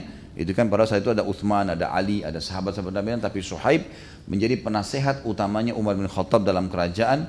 Dan kita tahu bagaimana kesuksesan Umar bin Khattab dalam menjalankan kerajaannya. Dan juga pada saat Umar bin Khattab tertusuk, maka dia membiarkan Suhaib yang menjadi imam sampai ahli syura ya berhasil menunjuk salah satu dari orang-orang mereka menjadi pemimpin. Dan ini bisa dilihat di halaman 54 tentunya dari buku kita. Ya. Kemudian juga disebutkan di sini oleh penulis sebuah kesaksian besar juga dari Al Faruq Umar bin Khattab tentang Suhaib sampai dikatakan Umar mensolatkan Abu Bakar ketika Abu Bakar wafat dan ketika Umar wafat yang mensolatkannya adalah Suhaib. Padahal sebenarnya yang menjadi yang mensolatnya mestinya khalifah. Jadi waktu Abu Bakar mati, Umar ditunjuk jadi khalifah, Umar mensolati jenazahnya, gitu kan? Karena pada saat itu juga. Tapi waktu Umar meninggal, Uthman bin Affan sudah terpilih. Tapi tetap seluruh sahabat menunjuk Suhaib menjadi imam pada saat itu karena Suhaib radhiyallahu anhu memiliki bacaan yang bagus dan karena Umar bin Khattab menunjuk dia jadi imam pada saat ahli syura sedang menunjuk salah satu dari kandidat khalifah itu tentunya. Juga Suhaib lah disebutkan oleh penulis di sini buku turun ke kubur Umar bersama Uthman, Sa'id bin Zaid dan juga Abdullah bin Umar. Ya, Abdullah ibn Umar. Jadi memang di sini terkenal sekali dan beliau hidup sampai zaman masanya Uthman bin Affan. Ini salah satu ya fadilah yang beliau miliki adalah 10 orang yang masuk dalam uh, Islam itu fadilah itu keutamaan yang pertama, mangkib atau manakib yang pertama. Yang kedua beliau adalah pemilik ya surah nomor Al-Baqarah 207 gitu. Jadi tadi waktu Nabi SAW ini masih kita bahas poin ini ya. Jadi waktu Nabi SAW melihat dia hijrah dan memberikan seluruh hartanya, maka kata Nabi SAW, Ribhul bayi Aba Yahya, sungguh transaksi yang sangat menguntungkan Lalu kemudian ya pada saat itu teman-teman sekalian Allah Azza wa mengutus Jibril alaihissalam khusus untuk Suhaib menurunkan Al-Baqarah 207 yang bunyinya A'udzu billahi minasyaitonir rajim wa minan nasi may yashri nafsahu ibtigha' mardatillah. Dan ada di antara orang-orang saya bukakan dulu kembali kita lihat Al-Baqarah 207 biar lihat ayat lengkapnya.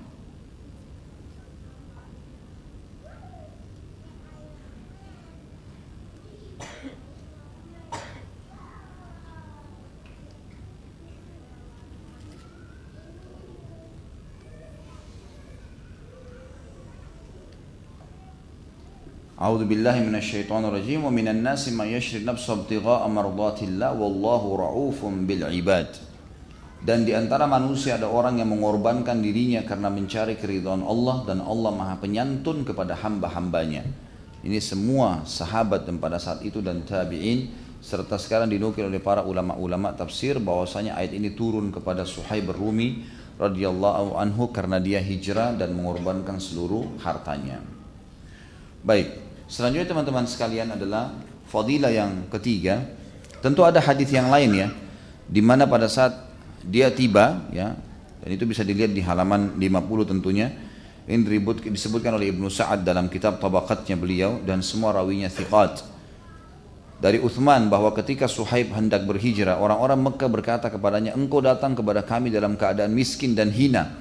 lalu kehidupanmu berubah menjadi kaya. Lalu Suhaib menjawab, bagaimana jika aku meninggalkan hartaku untuk kalian, apakah kalian membiarkanku pergi? Mereka menjawab, iya. Maka Suhaib menyerahkan seluruh hartanya kepada mereka. Hal itu didengarkan oleh Nabi SAW, lalu kata Nabi SAW kepada masyarakat Madinah, sahabat yang sudah masuk Islam waktu itu, Rabiha Suhaib, Rabiha Suhaib. Sungguh Suhaib telah beruntung, sungguh Suhaib telah beruntung. Kemudian juga ya, dinukil bahwasanya Suhaib pada saat ya, ber, dia berkata, Rasulullah SAW berangkat ke Madinah. Sebenarnya aku ingin berangkat bersama beliau, tapi orang-orang Quraisy menghalang-halangiku. Malam itu aku habiskan dengan berdiri tanpa duduk, ya, karena sedih, ingin hijrah bersama Nabi SAW. Mereka berkata, Allah telah menyibukkannya, ya, maksudnya Suhaib berkata, Allah menyibukkan orang-orang Quraisy dengan perutnya. Padahal aku sebenarnya tidak sakit ya pada saat itu dan orang-orang Quraisy seperti orang-orang yang sakit, semuanya seperti orang yang sakit pada malam itu.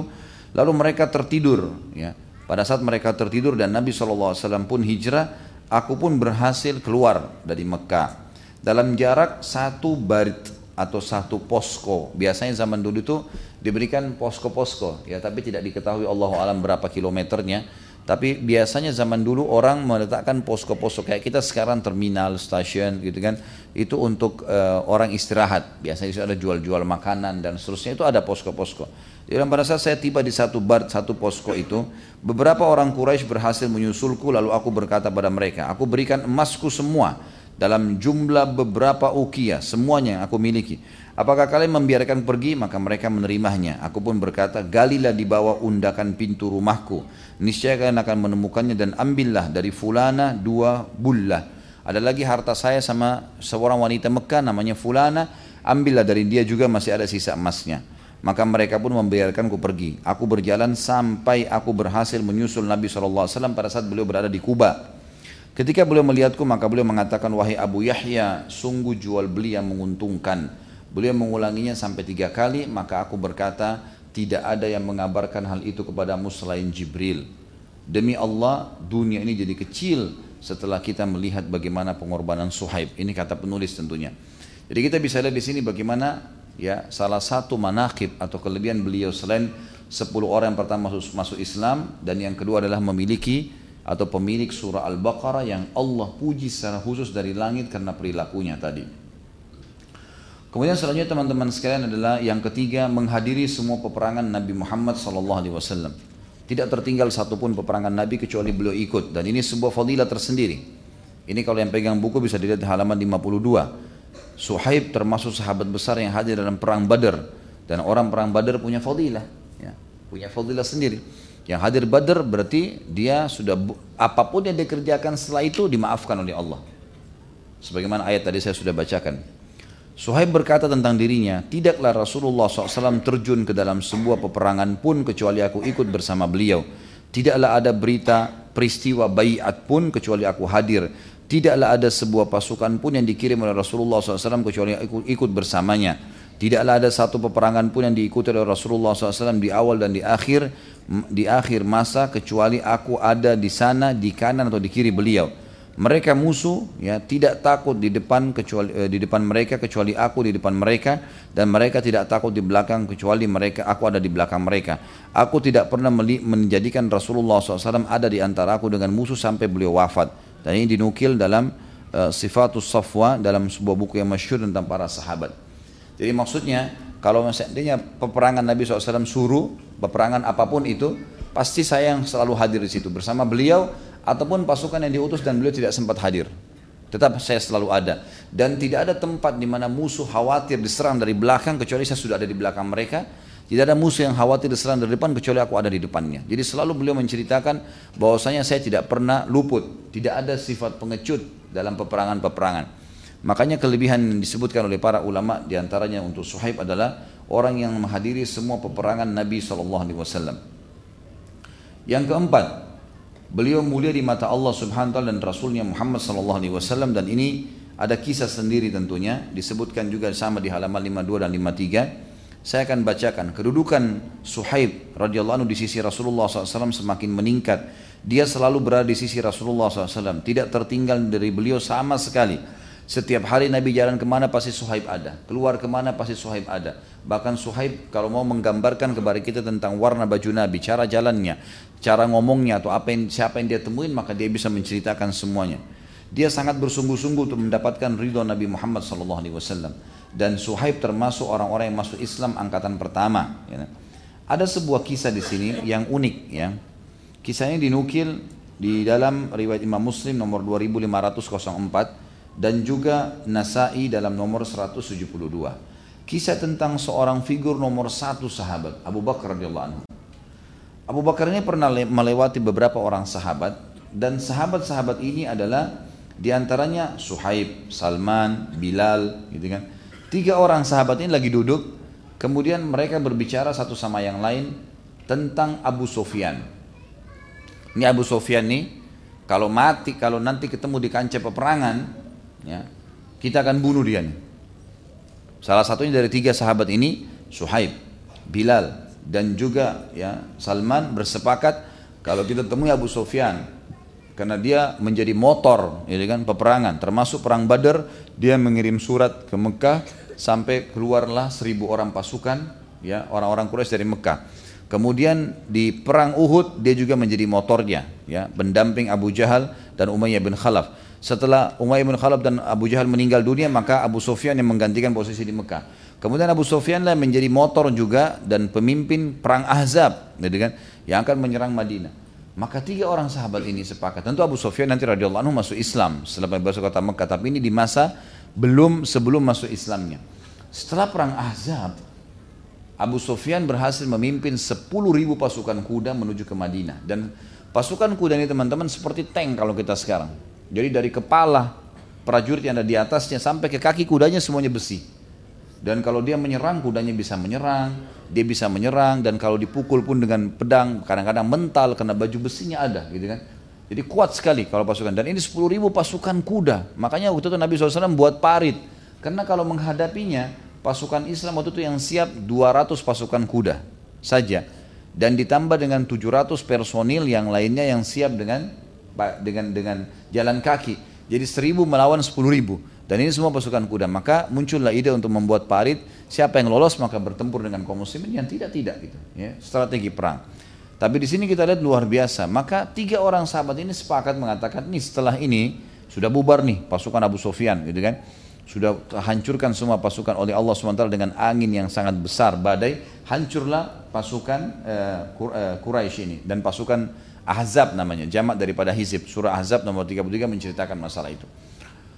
Maka tiga orang sahabat ini, sekali lagi Salman, Bilal, dan Suhaib sepakat, nanti setelah ini kalau ada pertemuan dengan Abu Sufyan kita bunuh nih. Gitu kan? Abu Sufyan ini pimpinan Quraisy tapi jahat, gitu kan? Kata mereka. Abu Bakar lewat, Abu Bakar sempat mengatakan, apakah kalian berkata kata-kata itu kepada pemimpin Quraisy? Maksudnya kenapa harus katakan Abu Sufyan begini dan begitu? Abu Bakar sempat kesannya kayak membela Abu Sufyan gitu. Padahal Abu Sufyan dalam kondisi kafir pada saat itu ya. Artinya Abu Bakar maunya kalau nanti ketemu ketemulah gitu ya berperang. Tapi sekarang kalian mau caci maki orang walaupun dalam keadaan kafir tidak layak lah gitu. Maka ketiganya pun diam waktu Abu Bakar mengatakan begitu. Lalu Nabi Abu Bakar menuju ke Nabi Shallallahu Alaihi Wasallam. Nabi SAW dapat wahyu. Lalu kata Nabi SAW, wahai Abu Bakar, apa yang kau ucapkan kepada mereka bertiga tuh? Tadi Salman, Bilal, dan juga Suhaib. Apa yang kau ucapkan pada mereka bertiga? Sampai turun wahyu menegur nih. Apa yang kau ucapkan? Ya Rasulullah, saya hanya menegur mereka uh, karena mereka membicarakan Abu Sufyan. Kata Nabi SAW, kembalilah. Karena kalau kau telah membuat ketiganya murka, Allah murka padamu. Ini luar biasa. Abu Bakar dikatakan begitu. Kalau kau telah membuat mereka bertiga murka, Allah murka padamu. Kembali minta maaf ke sana. Lalu Abu Bakar pun kembali kepada Salman, Bilal dan Suhaib salah satunya radhiyallahu anhu. Wahai teman-temanku, apakah kalian marah gara-gara saya tadi sebutin kalimat itu? Maka kata mereka tidak, kami ridho kepadamu. Maka kata Abu Bakar, jazakumullah khairan, terima kasih semuanya. Lalu Abu Bakar pun kembali kepada Nabi SAW, lalu Nabi senyum, mengatakan kau telah berhasil wahai Abu Bakar. Artinya kalau tidak, bisa murkanya Allah datang kepada Abu Bakar, manusia terbaik umat ini. Gitu kan? Berarti kedudukan tiga sahabat ini bukan main-main ini juga. Gitu kan? punya kedudukan yang salah satunya adalah Suhaib. Dan ini diberikan judul oleh penulis buku tentang masalah kedudukannya di mata Allah Subhanahu wa taala dan juga Rasulnya Muhammad sallallahu alaihi wasallam. Kelebihan yang kelima teman-teman sekalian adalah beliau menjadi penasihat Abu Bakar radhiyallahu anhu. Dan ini juga termasuk kedudukan yang luar biasa karena Abu Bakar adalah orang yang sangat soleh dan waktu itu Abu Bakar mengangkat dua orang yang sangat dekat dengannya untuk menjadi penasehat. Ya. Penasehat artinya apa? Setiap kalau mau mengerjakan satu perbuatan pasti diminta sarannya. Atau kadang-kadang sarannya dijalankan oleh pemimpin. Suhaib penasehat Abu Bakar. Dan keputusan Abu Bakar berarti berhubungan sekali dengan keputusan Suhaib. Makanya sebuah kedudukan dan Abu Bakar menjadikan dari Allah anhu Umar dan Suhaib dua-duanya sebagai penasehat yang selalu diminta pendapatnya dalam setiap kasus. Artinya setiap kegiatan Abu Bakar Suhaib mendapatkan pahalanya karena dia jadi penasehat. Ini juga sebuah fadilah tersendiri. Kemudian yang keenam adalah beliau juga menjadi penasihat Umar bin Khattab dan sempat ditunjuk menjadi imam sholat sampai enam orang sahabat ahli syura memutuskan siapa khalifah. Suhaib juga mensolati jenazah Umar sebagaimana sudah kita jelaskan tadi. Kemudian yang ketujuh teman-teman, Suhaib hidup di zaman fitnah. Jadi sampai di zaman Uthman bin Affan dan terjadinya fitnah terbunuhnya Uthman sampai di zaman Ali ya terjadinya fitnah perang dengan Aisyah radhiallahu perang Jamal dengan Muawiyah dengan perang Siffin Suhaib masih ada. Tetapi ada beberapa sahabat itu yang yang mengikuti sunnah Nabi SAW kata Nabi SAW dalam hadis Bukhari Muslim akan terjadi fitnah. Kalau itu terjadi di tengah-tengah kalian maka patahkanlah pedang-pedang kalian gitu kan? Dan duduklah di rumah-rumah kalian. Jangan ikut-ikutan. Dan Suhaib disebutkan oleh para ulama termasuk salah satu sahabat yang berlepas diri dari semua fitnah itu. Beliau tidak mengikut-ikutan dan ini dimasukkan dalam manakibnya. Kelebihan beliau radhiyallahu anhu di mana beliau sama sekali tidak ikut-ikutan dalam masalah fitnah yang sedang terjadi. Kemudian juga dimasukkan yang kedelapan adalah kelebihan beliau radhiyallahu anhu, beliau fakih dan sangat jujur ya. Sebagaimana Umar radhiyallahu anhu bertanya sambil berkata kepadanya, kalau bukan karena tiga hal aku akan menjadikanmu sebagai orang terpercaya tadi, maka dia menjawab dengan fikih. Jadi dia menjawab dengan ilmu, bukan menjawab asal kosong.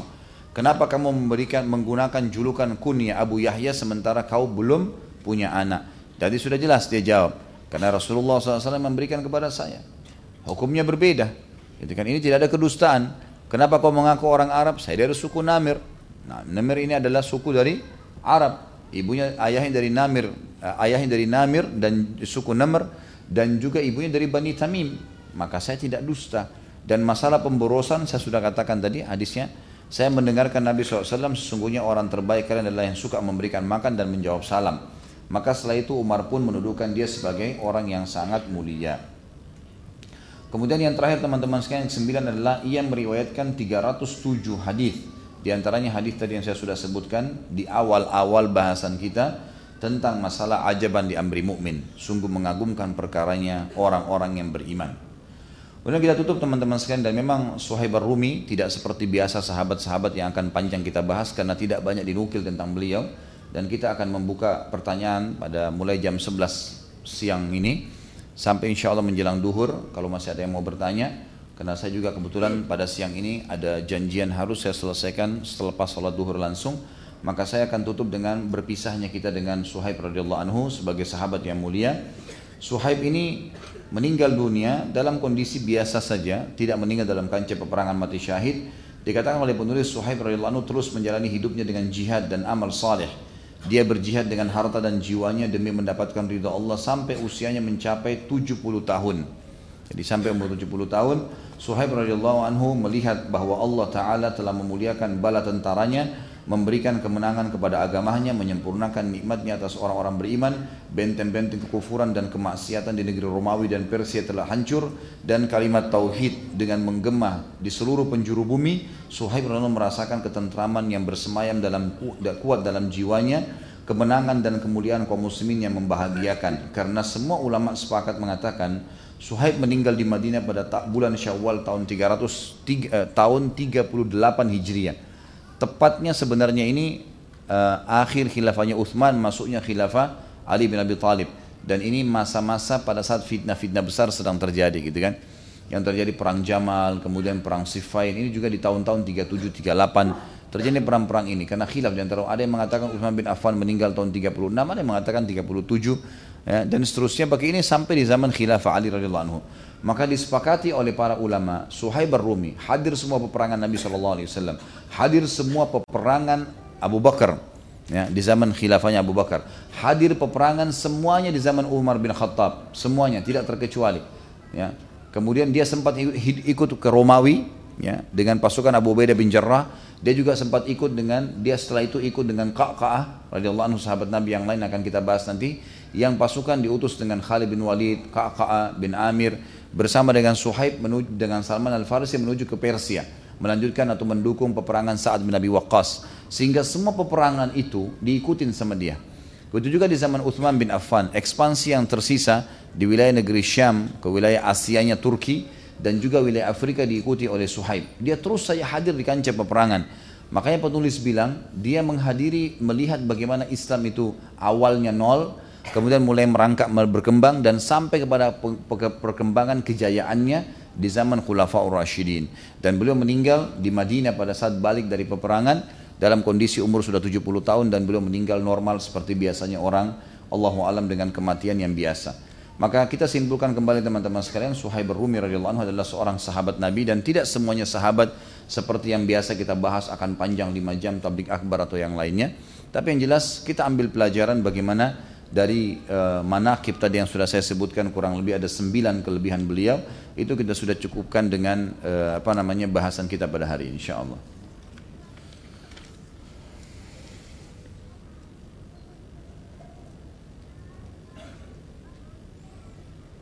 Assalamualaikum warahmatullahi wabarakatuh. Waalaikumsalam Semoga Allah Subhanahu wa taala senantiasa melimpahkan keberkahan dan kesehatan kepada ustaz dan keluarga.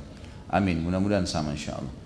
Saat ini para ulama di DKI dan sekitarnya mulai melakukan seruning untuk calon gubernur dari jalur independen muslim di mana tujuannya adalah bersedia menjalankan amanah dari para ulama seperti memperbaiki infrastruktur dan memperbaiki akhlak dengan berbagai program seperti menutup lokasi, lokasi loka, lokalisasi, melarang miras dan melindungi dan membantu dakwah Islam.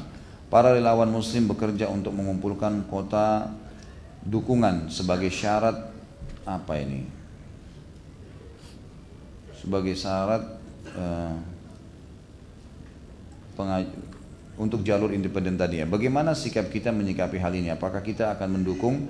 Mohon dijelaskan mengenai memilih pemimpin harus yang muslim dan larangan memilih pemimpin kafir. Tentu saja ya, kalau ada pemikiran seperti ini kita dukung saja. Yang penting, yang penting adalah orang yang sedang dipilih orang yang tepat. Jadi kita bukan hanya sekedar orang muslim saja, tapi kalau bertemu antara muslim dan kafir, jelas muslim yang didahulukan, jelas muslim yang didahulukan. Jadi jangan pertemukan antara kafir yang berprestasi dengan muslim yang bobrok. Ini nggak bisa. Kita pertemukan antara kafir yang prestasi dengan muslim yang berprestasi. Kita akan temukan nanti perbedaannya tentunya. Harus adil. Jangan pertemukan keadaan anda yang miskin dengan orang kafir yang kaya. Nggak adil. Pertemukan antara keadaan kita yang miskin dengan orang kafir yang miskin. Kita akan tahu bagaimana rahmatnya Allah tuh. Gitu kan? Ini sudah pernah saya jelaskan sebenarnya di pengajian rutin setiap minggu pada saat yang lalu, hari Rabu yang lalu saya sempat jelaskan masalah ini. Jadi teman-teman saya berapa kali mendapatkan, sering mendapati orang kafir kondisinya susah. Saya pernah datang di Sulawesi Utara, saya temukan di sana ada beberapa perkampungan orangnya susah hidupnya. Susah mereka. Bukan berarti semua orang kafir itu senang. Ada beberapa orang kafir yang senang, tapi pertemukan supaya adil dengan orang orang muslim yang atau orang mukmin yang juga mampu, yang kaya. Maka kita akan tahu perbedaannya itu. Saya pernah naik mobil di Singapura keliling, hampir satu Singapura dalam hitungan itu mau lihat saja kotanya. Saya naik taksi dan supir taksinya orang non muslim. Dari awal saya naik taksi sampai saya selesai keliling itu, semuanya keluhan hidupnya dia. Gitu kan? Semua keluhan anaknya sakit, istrinya ribut dengan dia, macam-macam keluhan duniawi yang sudah umum terjadi gitu. Jadi keliru kalau ada orang Islam menganggap dirinya sendiri yang susah. Ya. Kembali kepada pemimpin tadi, memang wajib kita nggak bisa ini. Kita nggak bisa memilih orang non Muslim dengan alasan apa pun, nggak bisa, gitu kan? Nggak ada alasan di sini kecuali kata ulama dalam keadaan memang ada perampasan wilayah seperti Spanyol dulu direbut oleh pasukan salib misalnya atau wilayah Islam diserang lalu kemudian mereka akhirnya memimpin secara paksa itu lain atau memang dasarnya e, mereka terpilih atau kita hidup di maaf di sebuah wilayah yang kita minoritas itu lain tapi kalau mayoritas baru kemudian kita pilih non muslim kenapa nih Alasannya karena non muslim ini baik? Enggak. Enggak bisa itu. Karena banyak orang Islam yang baik kok. Cuman kita belum belum mengeluarkan saja ya kader-kader umat ini. Kebanyakan orang selalu jalannya salah nih. Jalan salahnya maksud saya melalui jalur yang harus melalui partai politik lah yang akhirnya memaksa mereka untuk melakukan memilih pemimpin yang seperti ini. Teman-teman sekalian, ayat Al-Quran berbunyi A'udzubillahi minasyaitonirrajim Ya ayyuhalladzina amanu la tattakhidhu aduwi wa aduwakum awliya. Ayat Al-Quran. Allah berfirman, ya hai orang-orang beriman jangan kalian jadikan musuhku dan musuh kalian adalah pemimpin. Jelas ayatnya. Kemudian juga dalam ayat-ayat yang lain cukup banyak yang melarang kita untuk menjadikan orang-orang non muslim ya. Ya ayyuhalladzina amanu la tattakhidul ladzina ittakhadhu dinakum huzwan wa la'iban minal utul kitaba min qablikum wal kuffara awliya. Hai orang-orang beriman, jangan kalian pernah menjadikan pemimpin kalian ya, dari orang-orang kafir yang menjadikan agama kalian sebagai bahan olok-olokan dari orang ahli kitab Yahudi Nasrani dan juga orang-orang ya musyrik umumnya. Ya, tidak boleh jadi pemimpin buat mereka. Juga jelas perilaku Nabi SAW saat masuk di Madinah, beliau tidak pernah sama sekali ya pada saat itu ada kerajaan tiga suku Yahudi di Madinah Kainuka, Nadir dan Quraidah. Mereka sudah punya benteng, punya kekuatan, punya segala-gala. Tapi subhanallah Nabi SAW tidak jadikan mereka sebagai pemimpin. Tidak dijadikan pemimpin. Dibiarkan saja gitu. Ya, dibiarkan saja. Dan Nabi SAW tetap memimpin dengan hukum Allah. Dan diminta mereka malah tunduk dengan hukum Allah itu. Jadi banyak dalil yang berhubungan dengan masalah hal-hal ini. Apa bedanya budak dengan pembantu? Ya. Ada yang mengatakan bahwa TKI dan TKW di Arab dijadikan budak. Dan apakah masih ada budak di zaman sekarang? Beda sekali pembantu dengan budak. Nabi SAW punya pembantu gitu kan? Seperti Anas bin Malik radhiyallahu anhu. Itu pembantu Nabi SAW bukan budak.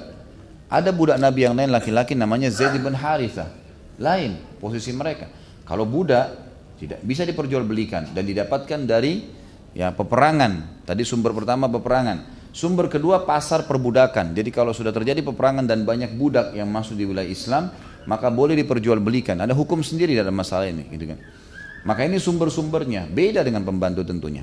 Kalau masalah TKW, TKI dijadikan budak di, di wilayah Arab ini dusta ini. Dari mana ini? Dari mana teman-teman sekalian? Anda perlu tahu, Mekah sama Madinah adalah wilayah pusatnya Islam. Wilayah pusat Islam. Ada Mek Nabi SAW lahir di Mekah, meninggal di Madinah. Dua kota besar nih. Gitu. Apa pun yang berhubungan dengan bisa mencoreng kedua kota ini pasti mereka buat. Pasti mereka buat. Ada satu TKW diperkosa di Saudi, ribut semuanya. Ini begini, begini, orang Arab begini, orang Arab muncul fanatisme dan rasisme, teman-teman. Saya bukan membela mereka, bukan. Tapi di Indonesia ada nggak pembantu yang diperkosa? Banyak. Berapa banyak orang kita yang berangkat ke Jepang, ke Korea, ke mana-mana sekarang negara non-muslim. Saya sampai diundang ke negara Hong Kong beberapa waktu yang lalu untuk ceramah. Dan itu yang saya temukan data TKW kita di sana 100 ribu orang. Bukan jumlah yang sedikit. Kerja dengan orang non-muslim. Akhirnya banyak yang meninggalkan sholat, mereka tidak bisa ibadah, ada yang membersihkan patung, ada yang macam-macam.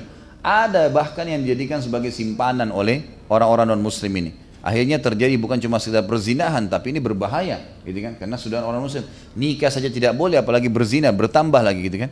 Banyak. Tapi kenapa nggak disorotin tuh? Orang-orang kita yang diperkosa di mana-mana di Indonesia sendiri di mana-mana. Kenapa? Kenapa di Saudi yang disorotin?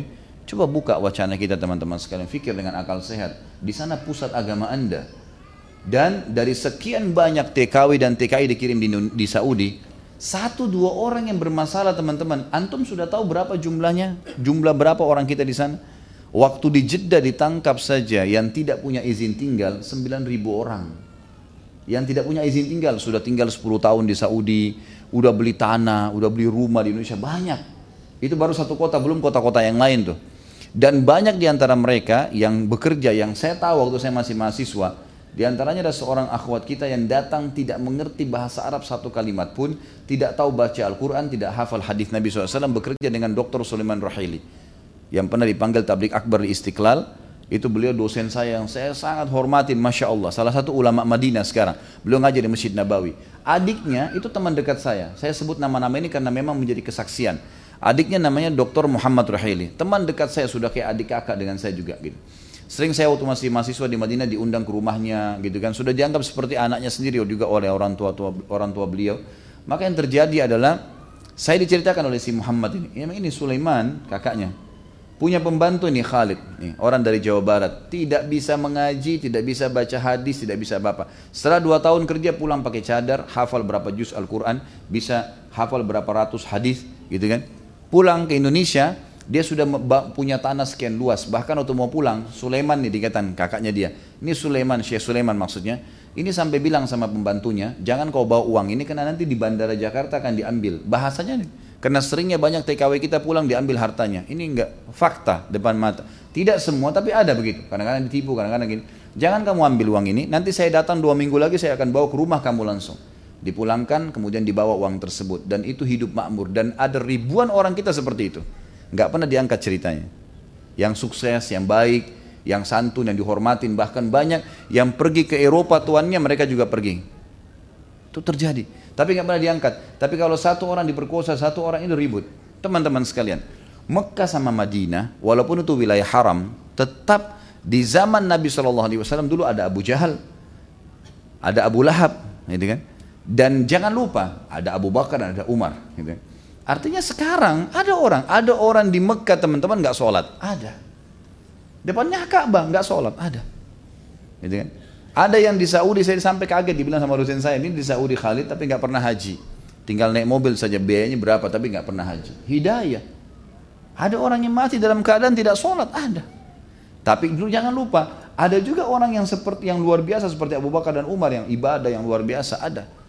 Jadi di mana-mana di muka bumi ini akan seperti itu, akan ada buruk dan baik, tapi kita harus sportif.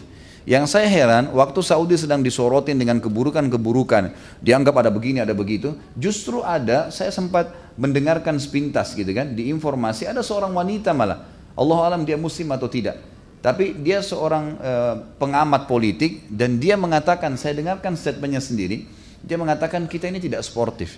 Kita selalu mengangkat satu dua orang yang sedang tersisa di negara Arab, yang itu terjadi juga di Malaysia, terjadi juga di negara Cina, terjadi juga di negara-negara mana, tapi di sana disorotin.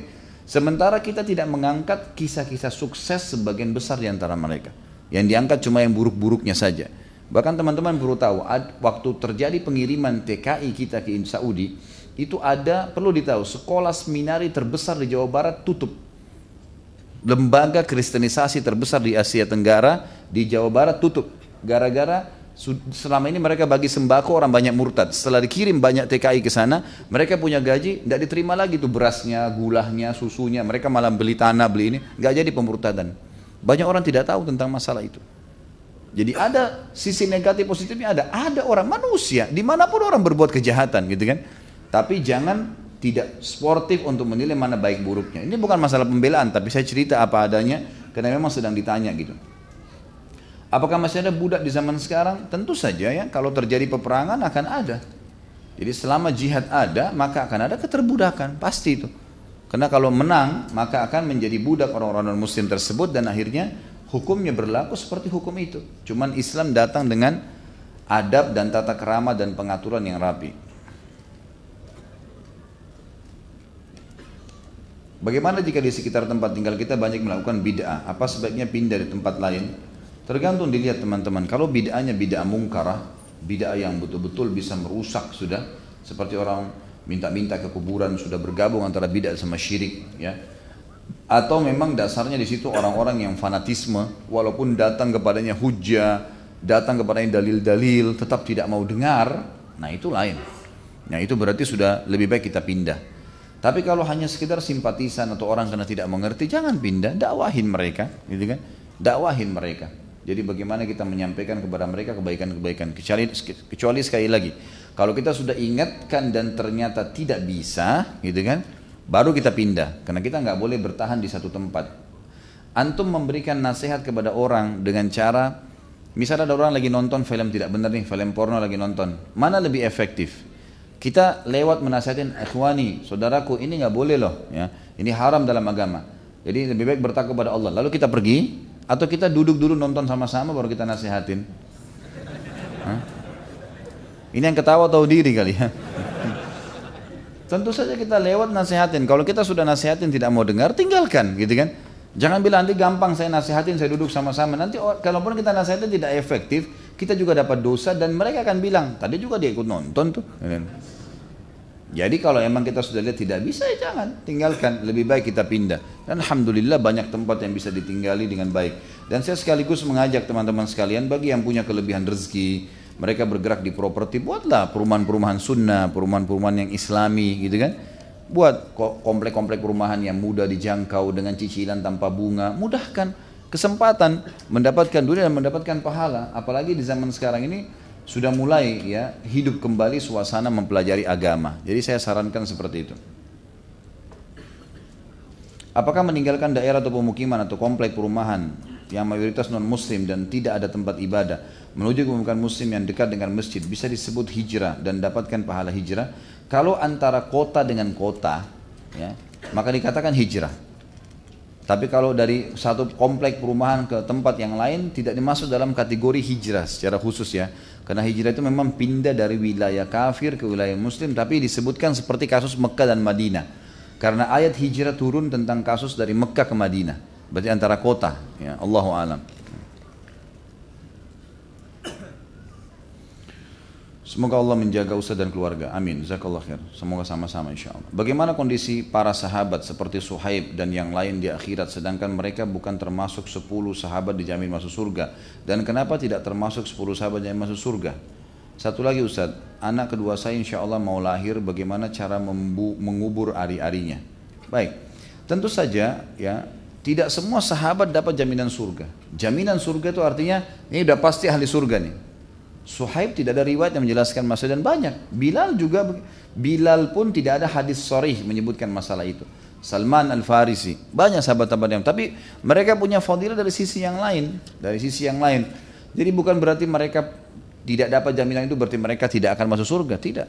Kita harus tahu semua yang dijanjikan oleh Allah dan Rasulnya beriman, beramal saleh masuk surga. Kafir atau maksiat masuk neraka ini mutlak Ya, ada jaminan masuk surga atau tidak, kita akan masuk surga kalau sudah jelas mengikuti syaratnya. Seorang muslim wajib baginya, wajib baginya kata ulama meyakini kalau dia sudah menjalankan semua apa yang diperintahkan Allah, misal sholat, sudah wudhu, sudah tutup aurat, sudah hadap kiblat, sudah masuk waktu, bacaan dan gerakannya sudah benar, gitu kan? Itu dia akan terima hasilnya, pasti, nggak mungkin tidak. Dan pasti itu nanti akan mendidikan derajatnya di surga, kecuali memang dia dasarnya tidak memenuhi syarat-syaratnya. Seperti kita masuk mendaftar di satu kantor, semua sudah kita penuhin, maka kita diterima. Itu biasa terjadi, seperti itulah. Tidak ada jaminan pun masuk surga. Artinya hadis yang jelas menyebutkan, tapi bukan berarti mereka tidak dapat jaminan surga. Karena ada satu kata kunci untuk semua muslim, semua yang patuh pasti dapat masuk surga dan semua yang bermaksiat akan dihukum atau kufur akan masuk ke dalam api neraka. Kalau masalah kubur ari-ari, kubur bagaimana saja, tidak ada masalah. Ya. Tidak perlu kendi khusus, tidak perlu bacaan khusus, tidak ada masalah. Ambil, kalau dikasih dikresek oleh rumah sakit, ambil antum kubur biasa. Tidak ada tidak ada sesuatu yang istimewa. Ini uh, khurafat, khurafat, khurafat yang banyak ya, kedustaan yang seperti misalnya itu saudaranya anak. Gimana caranya dikatakan ari-ari saudara anak? Baca dong gitu. Itu jelas hasil cuma trans, untuk tran, transportasinya makanan dan minuman ke bayi. Hanya itu. Nggak ada hubungannya karena sudah bayi sudah lahir sudah nggak berfungsi. Nggak ada sesuatu yang istimewa gitu. Ya, jadi tidak ada sesuatu yang khusus di situ, maka cukup dibuang biasa saja, gitu kan? Bahkan sebagian ulama pernah waktu ditanyakan tentang masalah ini, mereka mengatakan tidak dikubur pun tidak ada masalah. Dibuang di tempat yang aman sudah selesai, gitu kan? Ada yang tersebar berita di Indonesia nanti kalau dimakan kucing nanti jadi jahat lah, nanti jadi beginilah, macam-macam khurafat. Ini tidak ada. Harus belajar yang benar supaya tidak ada keyakinan yang ngawur deh. Bagaimana jika kita jihad? Waalaikumsalam Bagaimana jika kita jihad mati syahid, lalu mati syahid sedangkan masih ada atau memiliki utang, apakah Allah Subhanahu wa taala menghapuskan dosa hutang tersebut? Karena besarnya fadilah apa ini? Mati syahid itu sendiri. Tentu saja dalam hadis sudah dijelaskan masalah itu ya. Orang mati syahid diampuni semua dosanya kecuali ya, hutangnya. Jadi harus dibayar utang itu, tidak bisa tidak, ya. Makanya teman-teman kalau punya utang, ada hadis mulia begini, renungi baik-baik ya. Kata Nabi Shallallahu Alaihi Wasallam, siapa pun, siapa pun laki-laki di sini, menjanji-janjikan seorang wanita dengan janji yang palsu agar menghalalkan kemaluannya. Misal, saya kalau kau kalau nikah sama saya nanti saya akan belikan rumah, saya akan berikan mobil, saya akan begini, saya akan begitu. Dan dia tahu dirinya dusta.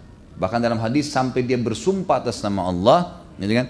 Dan Allah tahu dia dusta dan pernikahan terjadi. Akhirnya si perempuan nuntut, ah itu dulu ditolak sama dia, dialihkan dan seterusnya, dia dusta, maka dia akan bertemu dengan Allah sebagai seorang pezina. Dia dianggap pezina si laki-laki tadi. Gitu kan? Tidak boleh. Sama perempuan di sini dibalik kalau dia mengatakan saya kalau kalau nanti kamu nikah sama saya saya akan pakai jilbab, saya akan ibadah, saya akan begini janji-janji palsu semua. Ternyata itu dusta. Setelah nikah tidak dilakukan, maka bertemu dengan Allah sebagai pendusta. Kata Nabi Shallallahu Alaihi Wasallam dan siapa pun yang utang, ini bahasan kita masalah utang. Siapa pun yang utang, kemudian dia sengaja mengiming-imingkan pemilik piutang agar memberikan uangnya sehingga terhalalkan uangnya dengan dusta saya pasti akan bayar, saya akan begini, kalau tidak percaya begini. Dia coba meyakinkan. Dan itu dusta. Dia tahu dia dusta dan Allah tahu dia dusta. Dia akan bertemu dengan Allah hari kiamat dalam kondisi mencuri. Dianggap pencuri, gitu kan. Walaupun dia berhasil lari, dianggap pencuri. Artinya teman-teman sekalian berhubungan dengan masalah utang ini, lakukanlah hadis Nabi SAW. Kata Nabi SAW, siapa pun yang berutang niat membayarnya, Allah mudahkan dia akan membayarnya. Siapa pun yang niat utang tidak mau membayarnya Allah akan persulit bagi dia makanya seseorang dari kita kalau utang darurat sekali betul-betul darurat baru utang kalau enggak coba berusaha, berusaha dulu ikhtiar dan utang harus komitmen jangan pada saat kita memohon merengek-rengek begitu kita ditagih seakan-akan orang itu kesian yang, berba, yang bermasalah. Pemilik uang sampai datang nagi-nagi minta-minta tolong. Ini kemudian dia pergi. Ini zalim betul ini. Sudah ngambil haknya orang sudah berbuat uh, zalim ya kemudian mencuri apalah segala macam dosa bertumpuk di situ.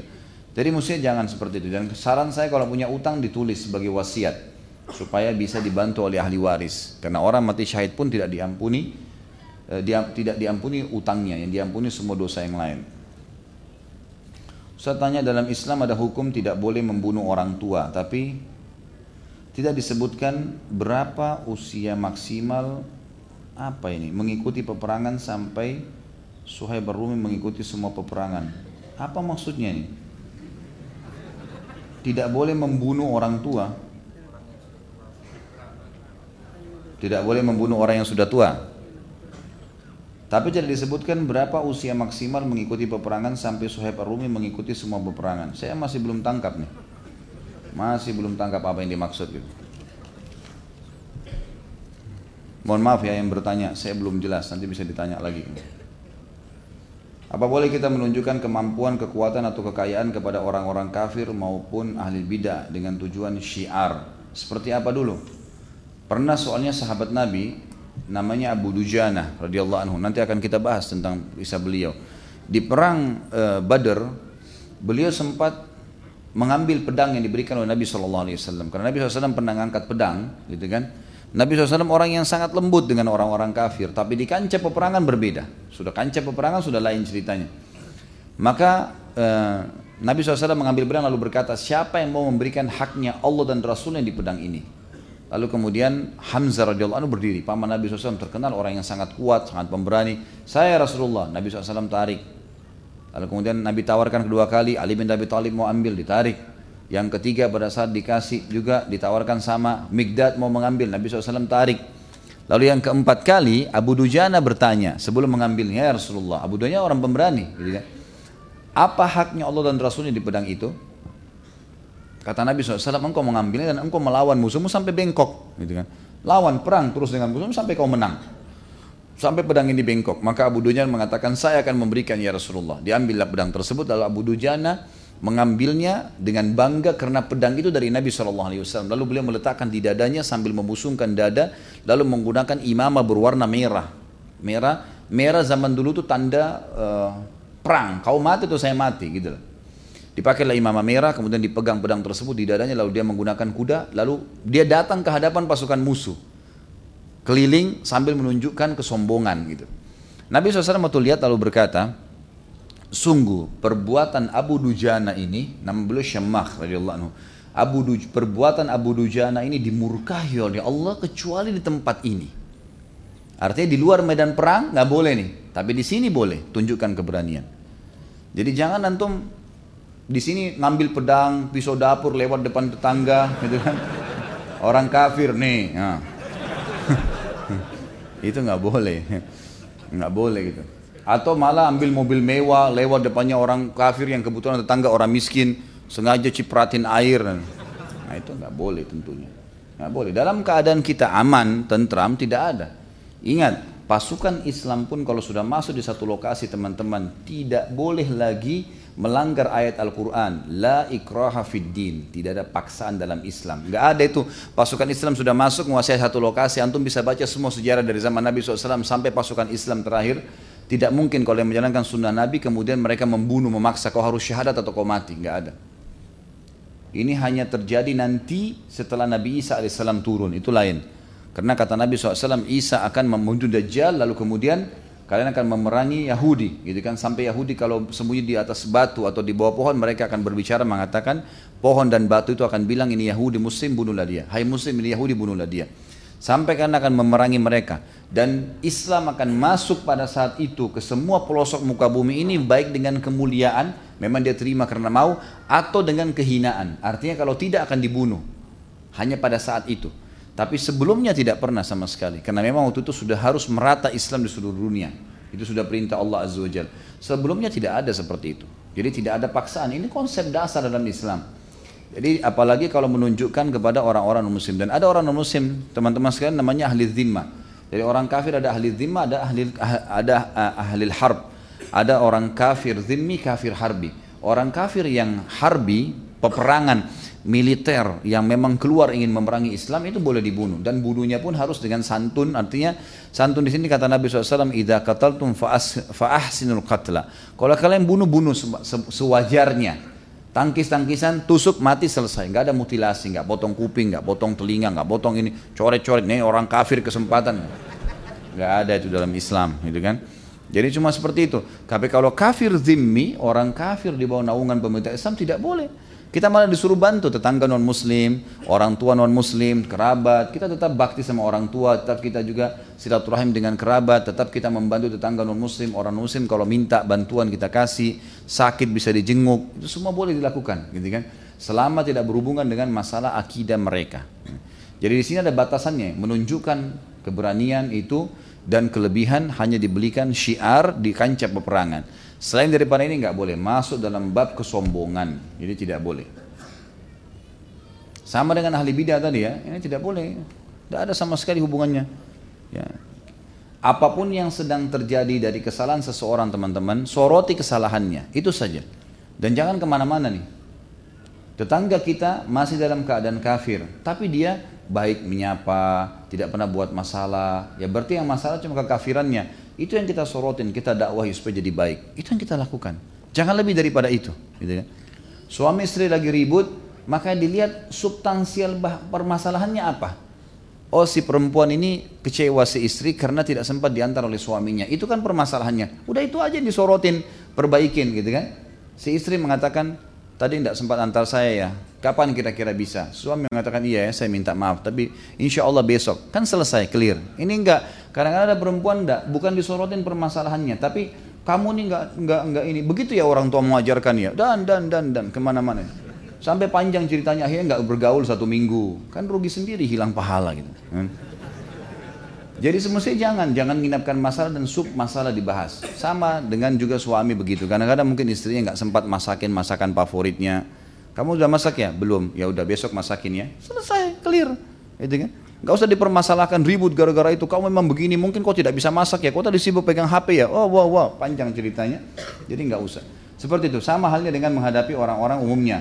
Setiap orang ada masalah dengan siapa pun teman-teman, lihat sub masalahnya apa, perbaikin dan jangan ke mana-mana. Supaya clear di poin itu. Apa hikmah Rasul terakhir dipilih dari suku Arab dan mengapa Bani Israel begitu diistimewakan dengan diturunkannya begitu banyak Rasul dan di kalangan mereka? Tentu tidak bisa kita mengatakan ada keistimewaan suku Arab, tidak ada sama sekali. Bahkan orang Arab sendiri sebelum diutus Nabi SAW adalah orang yang paling bobrok. Itu disebutkan. Kata Umar, kami dimuliakan dengan Islam karena kami dulu makan bangkai, kami dulu sembah berhala, Ya, perempuannya dulu orang-orang Quraisy itu kalau ada laki-laki yang hebat, gagah, perkasa, itu disuruh istrinya gak bergaul sama laki-laki itu. Supaya ada gel gennya itu turun gitu loh. Supaya dapat spermanya nanti jadi anaknya jadi gitu juga. Itu keyakinan mereka pada saat itu. Tapi Islam datang mengubah semua karena Islam untuk seluruh alam semesta, agama Allah. Kalau kenapa dari Arab itu hikmah Allah Subhanahu wa taala. Sebagaimana juga Allah pilih dulu banyak nabi-nabi dari beragam macam suku, ya kan gitu. Itu yang dimaksud. Kemudian kenapa Bani Israel punya kelebihan? Karena doa Nabi Ibrahim alaihissalam. Bani Israel teman-teman, Bani artinya keturunan. Israel nama lainnya Nabi Yakub. Yakub ini anaknya Ishak. Ishak ayahnya Ibrahim. Ibrahim alaihissalam pernah berdoa. Ya.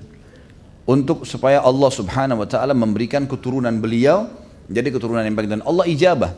Makanya Ibrahim mendapatkan julukan Abul Ambiya. Bapaknya para nabi. Karena setelah Ibrahim alaihissalam semua yang datang keturunan beliau. Dari istri pertama ada Ishak. Istri kedua ada dari Sarah. Dari istri kedua ada Hajar, ada Ismail. Dua-duanya nabi. Dari Ishak setelah dua nabi ini datang setelahnya keturunan Ishak semua. Ada Yakub, gitu kan, ada Yusuf, ada Musa, kemudian ada Daud, ada Sulaiman, ada Ayub, ada Yunus, ada macam-macam nabi di sini sampai Isa alaihissalam. Semua dikenal dengan turunan Bani Israel. Nah, Israel sebenarnya nama lainnya Nabi Yakub, gitu kan. Jadi ini keturunan Ibrahim alaihissalam. Terakhir datang keturunan Nabi Muhammad SAW dari Ismail, dari jalur Ismail, gitu kan? Jadi ini cuma dan kita perlu tahu suku-suku teman-teman di muka bumi ini yang Allah ciptakan itu variasi kehidupan. Bukan untuk saling berbangga-bangga merasa lebih dari yang lain. Makanya Islam mengajarkan kita kalau masuk dalam saf sholat sama semua kan. Yang orang Arabnya, yang orang Melayunya, yang orang bulenya, yang orang Afrikanya sama. Tidak bisa, tidak ada bedanya. Yang masuk pertama di saf tidak boleh dimundurkan walaupun dia tukang sampah. Haknya di depan Allah SWT. Di Arafah kita haji semuanya sama. Presiden pun pakai baju ihram. Nah, dia tidak ada bedanya. Sama-sama dengan tukang sampah sama kalau haji pakai baju ihram. Tidak ada perbedaan. Jadi sebenarnya itu cuma variasi kehidupan. Sebagaimana Allah ciptakan beragam macam buah. Bayangkan kalau cuma satu jenis buah pisang saja misalnya. Allah SWT ciptakan pisang, anggur, jeruk dengan beragam macam delima, ini, itu, ini. Itu supaya memvariasikan kehidupan ini. Begitu pula dengan ragam suku, bahasa, makanan, hewan-hewan. Allah bisa ciptakan ayam saja misalnya, atau kambing saja. Tapi Allah ciptakan kambing, sapi, ayam, kelinci. Ada yang besar, ada yang kecil, ada yang ada yang ada yang apa namanya punya karakter menyerang, ada yang punya karakter lembut dan dan seterusnya. Semua itu untuk menjadi variasi kehidupan. Saya hari ini buka ini, tidak susah tema pun saya baca udah, gitu kan. Karena sortir lagi jadi panjang. Di zaman sekarang bagaimana bentuk contoh membebaskan budak? Kalau sudah ada budak baru ini dibahas tuh. Kalau sudah ada budak, nanti ada jihad. Kalau anda sudah hadapin jihad yang syar'i, kemudian menang, orang kafir di bawah naungan pemerintah Islam, di bawah naungan kita dapat bagikan itu nanti kalau pasukan Islam menang lawan pasukan kafir, misalnya seribu orang lawan seribu orang, menang orang Islam, orang kafir meninggal 300 orang, sisa 700. 700 itu jadi hamba sahaya, dibagikan kepada para mujahidin. Gitu kan? Seperti waktu kasus perang uh, Uhud pada saat Umayyah bin Khalaf menjadi tawanannya Abdurrahman bin Auf, tapi akhirnya terbunuh di tangan Bilal gitu kan. Itu jadi tawanan dia, ya, di tawanan dia karena dia mendapatkan di kancah peperangan dan minta agar menjadi tawanan Abdurrahman. Itu jadi budaknya. Nanti tentu ada hukum-hukum syar'i. Ibadah kalau dia bebaskan saya bebaskan kamu karena Allah. Kafir atau beriman, tidak ada paksaan. Budak tidak harus masuk Islam. Boleh dalam keadaan kafir, boleh di, itu hukum syari sendiri. Jadi bebasin hukum. Atau dia jadikan sebagai kafarahnya tadi. Ya. Atau di, diberikan kesempatan mukatabah. Ya. Itu seperti itulah. Jadi ini terjadi di kancah peperangan jihad. Ada sebagian informasi yang saya temukan dari beberapa masyayikh di Saudi. Kalau di Mauritania, di Afrika masih ada perbudakan ini. Masih ada turun-temurun. Dan biasanya di musim haji, khusus jemaah haji dari Mauritania di wilayah Afrika, itu masih ada turun-temurun budak yang mereka kalau haji mereka bebasin di musim haji itu. Kamu bebas karena Allah, kamu bebas karena Allah. Jadi beberapa orang. Saya sempat dapat dari salah satu LSM di Saudi itu kurang lebih sekitar 10 ribu real waktu saya masih di sana mahasiswa ya. Kalau sekarang kita sekitar 30 jutaan, itu bisa bebasin budak, bayar kafarah begitu. Saya pernah mendengar tiga sahabat yang tertawan oleh orang-orang kafir yang kemudian dipenggal, lalu setelah dipenggal, kepala mereka bisa baca Al-Quran. Apa benar itu? Pada perang apa itu? Saya nggak pernah tahu tuh. Kepala sudah dipenggal bisa baca Al-Quran? Allahu a'lam. Saya nggak pernah tahu kalau soal itu. Saya pernah mendengar juga cerita tentang sahabat Nabi mencium punggung Nabi SAW karena ia pernah dicambuk oleh Nabi. Karena Nabi menyatakan apa yang uh, apa ia telah berbuat zalim. Ini bukan cium punggung ya, tapi perut. Itu terjadi di perang Badar. Seorang sahabat dari Ansar yang badannya agak gemuk. Saya lupa namanya sekarang, tapi kalau ikutin di materi sirah saya ada itu, saya sebutin. Orangnya itu gemuk, lalu Nabi SAW waktu ngatur pasukan dengan tongkat beliau, masuklah di saf, disuruh tata rapi. Orang ini kena agak besar badannya, Nabi SAW sempat sentuh perutnya mengatakan, masuklah ke saf. Waktu pas kesentuh tongkat itu sedikit saya di perutnya cuma untuk mundurin di saf, lalu dia bilang, ya Rasulullah anda sakiti saya. Saya minta kisos. Di, di kancah peperangan, di saf pertama pasukan jihad. Biasanya ini orang-orang yang paling bakti dengan Nabi gitu kan. Ini minta kisos. Semua sahabat bilang ya, hai fulan, ya bertakwalah kepada Allah. Ini Rasulullah. Dia bilang tidak. Rasulullah sakiti saya. Ini kesentuh tadi kesentuh kulit saya. Saya punya hak untuk kisos.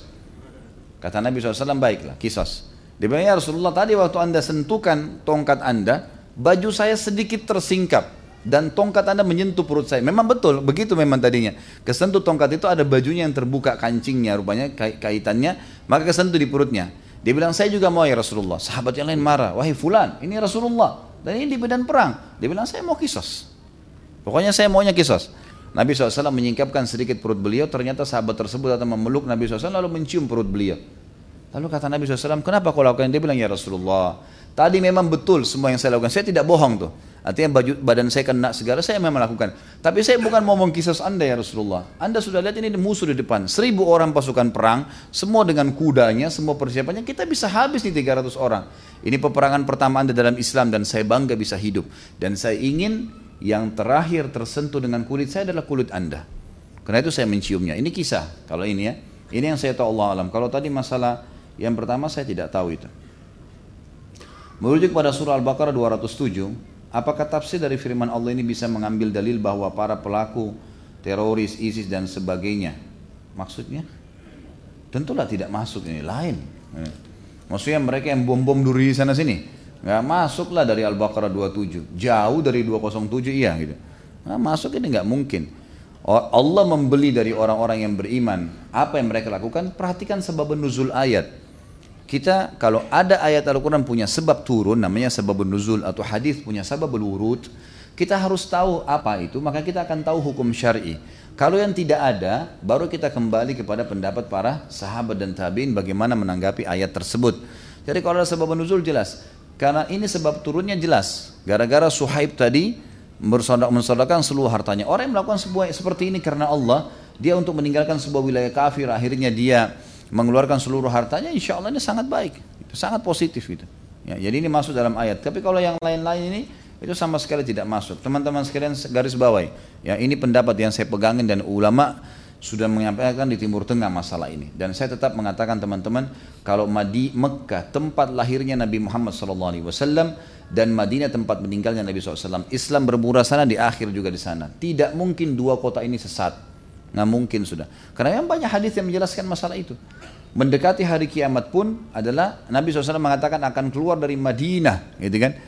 Anak muda yang paling terbaik pada saat itu dari sisi imannya. Juga kata Nabi SAW dalam hadis yang lain, Madinah, gitu kan? Pusat daripada keimanan. Dia akan keluar seperti biawak keluar dari lubangnya dan dia akan kembali lagi. Yang mau belajar Islam kembali ke Madinah. Ini sudah jelas sabda Nabi SAW seperti itulah. Jadi kita harus tahu teman-teman sekalian ini pusat daripada agama kita. Jangan sampai kita meninggalkan dua kota ini gitu. Ya. Kalau kita lihat fatwa para ulama tentang berhubungan masalah bom bunuh diri dan segala dari fatwa ulama di dua kota ini mustahil ada yang membolehkan. Tidak ada sama sekali. Jihad berperang, silakan masuk di kancah peperangan. Jangan bom Indonesia teman-teman. Ke sana ke Israel tuh. Gitu. Sana berangkat sana bom sana gitu. Dan itu pun bomnya lempar bom kita kepercik mati mati syahid. Itu anda lakukan. Ini bom Indonesia, bom orang Islam juga. Menganggap orang kafir kalau tidak sepaham dengan dia dari mana ini teman-teman sekalian? Ini nggak ada. Jadi nggak bakal nyambung apalagi mau disambung dengan Al-Baqarah 207 tadi sudah tidak sama sekali gitu. Di akhir hayat Suhaib Rumi melewati masa fitnah besar. Bagaimana sikap beliau menghadapi fitnah tersebut? Ada di, di pihak manakah beliau? Sudah saya katakan beliau melepaskan diri. dan tidak dinukil secara khusus tentang apa perilaku beliau. Tapi beliau dikatakan sama dengan sahabat-sahabat seperti Abdullah bin Umar, Abdullah bin Abbas ya. Yang memang berlepas diri. Berlepas diri itu mereka menjalankan hadis Nabi SAW yang kata Nabi kalau fitnah nanti terjadi artinya ribut di antara kalian tidak tahu apa jalan keluarnya maka patahkanlah pedang, rusakkan patahkanlah pedang-pedang kalian dan tinggallah di rumah-rumah kalian. Jangan ikut-ikutan hanya itu yang dinukil oleh ulama kepada kita dan masuk dalamnya Suhaib radhiyallahu anhu Bagaimana dengan ayat Al-Quran dan riwayat hadis yang berkaitan dengan perbudakan? Karena zaman sekarang sudah tidak ada perbudakan. Apakah ada fadilah yang bisa diambil untuk zaman sekarang? Tentu itu berlaku pada saatnya, seperti misalnya haji. Dia berlaku hanya di waktunya, di tempatnya, gitu kan? Jadi misalnya haji ya bulan Zulhijjah itu di waktu itu saja 8 sampai 13 Zulhijjah dengan gerakan dengan kegiatan dan itu berlaku sama dengan perbudakan. Kalau terjadi jihad, terjadi ada orang pasan tawanan perang, maka itu baru terjadi perbudakan. Berlakulah semua hukumnya. Yang lain tidak ada itu. Memang tidak terjadi seperti sekarang tidak ada itu.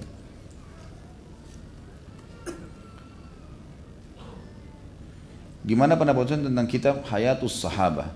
Saya tidak tahu ini penerbitnya yang siapa yang maksud dan penulisnya siapa. Anda tinggal lihat insya Allah. Cara melihat buku begini. Uh, lihat buku itu kaya dengan rujukan atau tidak. Kalau kita sekarang itu referensi footnote ya, tulisan kecil di bawah. Misal dia sebutkan sebuah riwayat, ditulis angka satu kayak buku ini gitu kan. Ini riwayat di sini disebutkan di buku ini. Ada ada rujukan dan yang dinukil kepada dia ayat Al-Quran, hadis Nabi SAW, insya Allah itu termasuk bagus. Tapi kalau hanya sekedar kisah, cerita seperti sebuah dongeng, seperti komik, maka ini perlu di, di, di, dikembalikan, di, harus dibahas dulu, gitu kan? Harus dibahas kepada uh, ahli-ahlinya. Ini benar nggak? Ini benar nggak? Dan itu sedikit membuat PR ya. Kalau saya sarankan, kenapa kita bedah buku ini teman-teman? Saya pribadi belum sempat menulis kisah tentang sahabat, tapi saya menambahkan apa yang saya tahu dengan buku ini.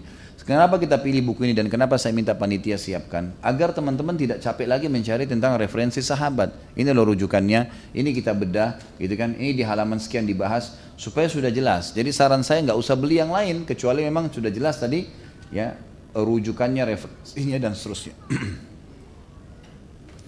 Apakah seorang yang berumah tangga bisa mencapai kedudukannya seperti sahabat Nabi Muhammad SAW? Tahapan seperti apa? Tentu saja, tentu saja. Dan nanti akan ada teman-teman sekalian insya Allah setelah membahas sahabat-sahabat laki-laki, kita akan akan tablik akbar sahabiat perempuan. Saya tidak akan berhenti di sini.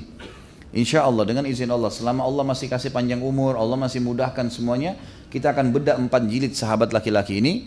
Setelah selesai jilid keempat, kita akan masuk ke kisah sahabiat. Kita juga akan bedah buku lain kisah tentang istri-istri Nabi SAW, sahabat-sahabat Nabi yang lain itu akan kita pelajari semua kisah mereka. Dan insya Allah itu akan ada bahasanya. Tentu saja bisa. Ikuti sahabiat maka akan sama dengan kedudukan mereka insya Allah. Anda mau tanyakan bagaimana hukum bom bunuh diri di kancah peperangan, memerangi orang kafir. Sudah saya jelaskan tadi. Jadi nggak boleh. Di kancah peperangan pun tidak boleh. Ya, ini dalilnya jelas tidak pernah Nabi SAW, tidak pernah ada sahabat yang sengaja membunuh dirinya untuk bunuh orang lain. Mereka berhadapan iya, sampai detik terakhir. Mati ya sudah mati syahid. Nah, seperti itulah. Kalau mereka mati karena luka, gitu kan? Seperti uh, Sa'ad bin Rabi radhiyallahu anhu sahabat Nabi yang mulia, itu kena anak panah dan luka. Akhirnya setelah selesai peperangan berapa hari baru ter, baru mati, gitu kan? Tapi ini tetap Nabi SAW hitung mati syahid karena dia mati kena luka di kancah peperangannya. Penyebabnya itu. Maka seperti itu pemahamannya. Ini kalau masalah apakah tawanan perang dijadikan budak juga? Jawabannya sudah iya jelas. Mengapa pemilik budak wanita boleh memperlakukan budaknya seperti seorang istri? Itu hukmullah. Allah mengatakan dalam Al-Quran seperti itu. Ya. Allah mengatakan tentang masalah zina, illa ala azwajihim au ma malakat aimanuhum. Ya, yang artinya mereka tidak boleh meletakkan kemaluan mereka kecuali pada istri-istri mereka atau yang diberebut dengan tangan kanan mereka. Budak wanita memang hukum syar'inya begitu. Dalam Islam Nabi SAW punya Maimunah dan Maria. Dua-dua ini bukan istri Nabi, ini budak sahaya. Islam boleh dia menggauli hamba sahayanya. Hukum Allah begitu. Nah, jadi tidak bisa kita bahas lebih jauh apa hikmahnya, kenapa, itu sudah hukum Allah begitu. Anda boleh baca kepada rujukan-rujukan tentang masalah ayat-ayat. Di antaranya surah al surah kalau tidak salah di awal tujuh ayat pertama surah al mukmin ya. Itu membahas itu kat aflahal mu'minun dan seterusnya sampai akhir. Ada dikatakan situ walladzina furujim hafizun dan orang-orang yang telah beruntung orang yang beriman disebutkan tentang orang khusyuk dan seterusnya dikatakan sampai salah satunya yang mereka menjaga kemaluan mereka kecuali pada istri-istri mereka atau yang mereka dapatkan dari tangan kanan mereka dengan peperangan jadi budak hamba sahaya memang boleh digaulin gitu kan sebagian ulama mereka boleh nikahi mereka juga boleh tidak nikahi hukum syar'i seperti itu hukum Allah gitu Makanya beberapa sahabat memiliki ya banyak hamba sahaya dan banyak ada juga istri-istri dibatasi empat. Kalau hamba saya tidak ada batasnya. Hukmullah seperti itu. Tapi kalau terjadi pergaulan dan si perempuan itu hamil, maka anaknya yang lahir menjadi orang yang bebas, bukan lagi budak. Bukan lagi budak. Ini bisa kembali, ini tentu ada bahasan panjang ya, bisa lebih banyak membaca seperti buku yang sedang saya bahas di YouTube ada Minhajul Muslim. Kalau bisa beli bukunya terbutan Darul Haq, kemudian baca khusus bab rakabah, bab keterbudakan. Nanti lebih jelas itu tentang hukum-hukum syariat dan dalil-dalilnya. Saudara mau bertanya tentang hukum perbudakan dalam syariat Islam sudah menghapus perbudakan, tapi kenapa ayat-ayat tentang budak seperti menjadikan wanita kafir dari rampasan perang boleh dijadikan budak dan boleh digauli? Sudah saya jelaskan tadi ini. Ya, berputar-putar di sini semua pertanyaannya nih. Ini Allah orang laki-laki atau perempuan. Kalau perempuan karena sulit menerima hukumnya, kalau laki-laki mau buru-buru, gitu kan? Begitulah manusia. Hmm. Jadilah orang beriman yang patuh. Allah bilang ah ya ah, gitu kan? Babi nggak boleh makan, ya nggak boleh makan. Ada hikmahnya, nggak ada hikmah nggak apa-apa. Tetap aja patuhi. Sudah begitu hukum Allah. Jalani sebentar sampai mati masuk surga tuh. Gitu kan? Jangan bangkang. Kalau belum bisa menerima, pelajari ilmu yang menghilangkan was-was, ilmu yang melahirkan keyakinan gitu.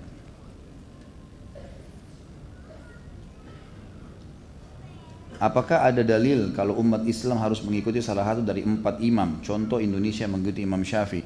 Tidak ada, tidak harus itu. Tapi empat imam ini sudah disepakati oleh uh, ulama kalau madhab mereka boleh dipegangi. Madhab mereka boleh dipegangin. Ya. Dan mereka ini kembali kepada dalil. Ini juga sudah saya bahas di Minhajil Muslim di YouTube bisa dilihat atau di web di www.khalidbasalam.com itu ada Minhajil Muslim diketik dan bahasan pasal sebelum pasal adab akhir bab akidah ada uh, kedudukan para uh, kedudukan para ulama ya bagaimana bermuamalah dengan para ulama itu sudah saya jelaskan panjang lebar tentang masalah hukum-hukum seperti ini.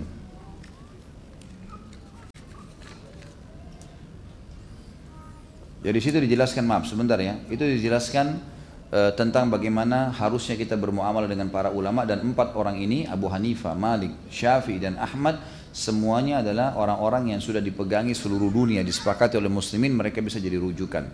Masalah ada orang berpegang pada sebuah madhab itu boleh-boleh saja, bukan tidak boleh. Tapi kebijaksanaan yang ya kebijaksa, kebijakan yang baik adalah bijaksananya seseorang adalah kalau dia kembali kepada dalil. Dia kembali kepada dalil. Jadi misal gini, ada pendapat Imam Syafi'i, Imam Ahmad, Abu Hanifah, Imam Malik, mereka dipertemukan pendapatnya dalam satu hukum, lalu kita temukan ternyata ada di antara mereka yang sudah kita bisa baca sekarang karena buku-buku sudah banyak. Kalau zaman dulu mereka masih berpisah-pisah, gitu kan?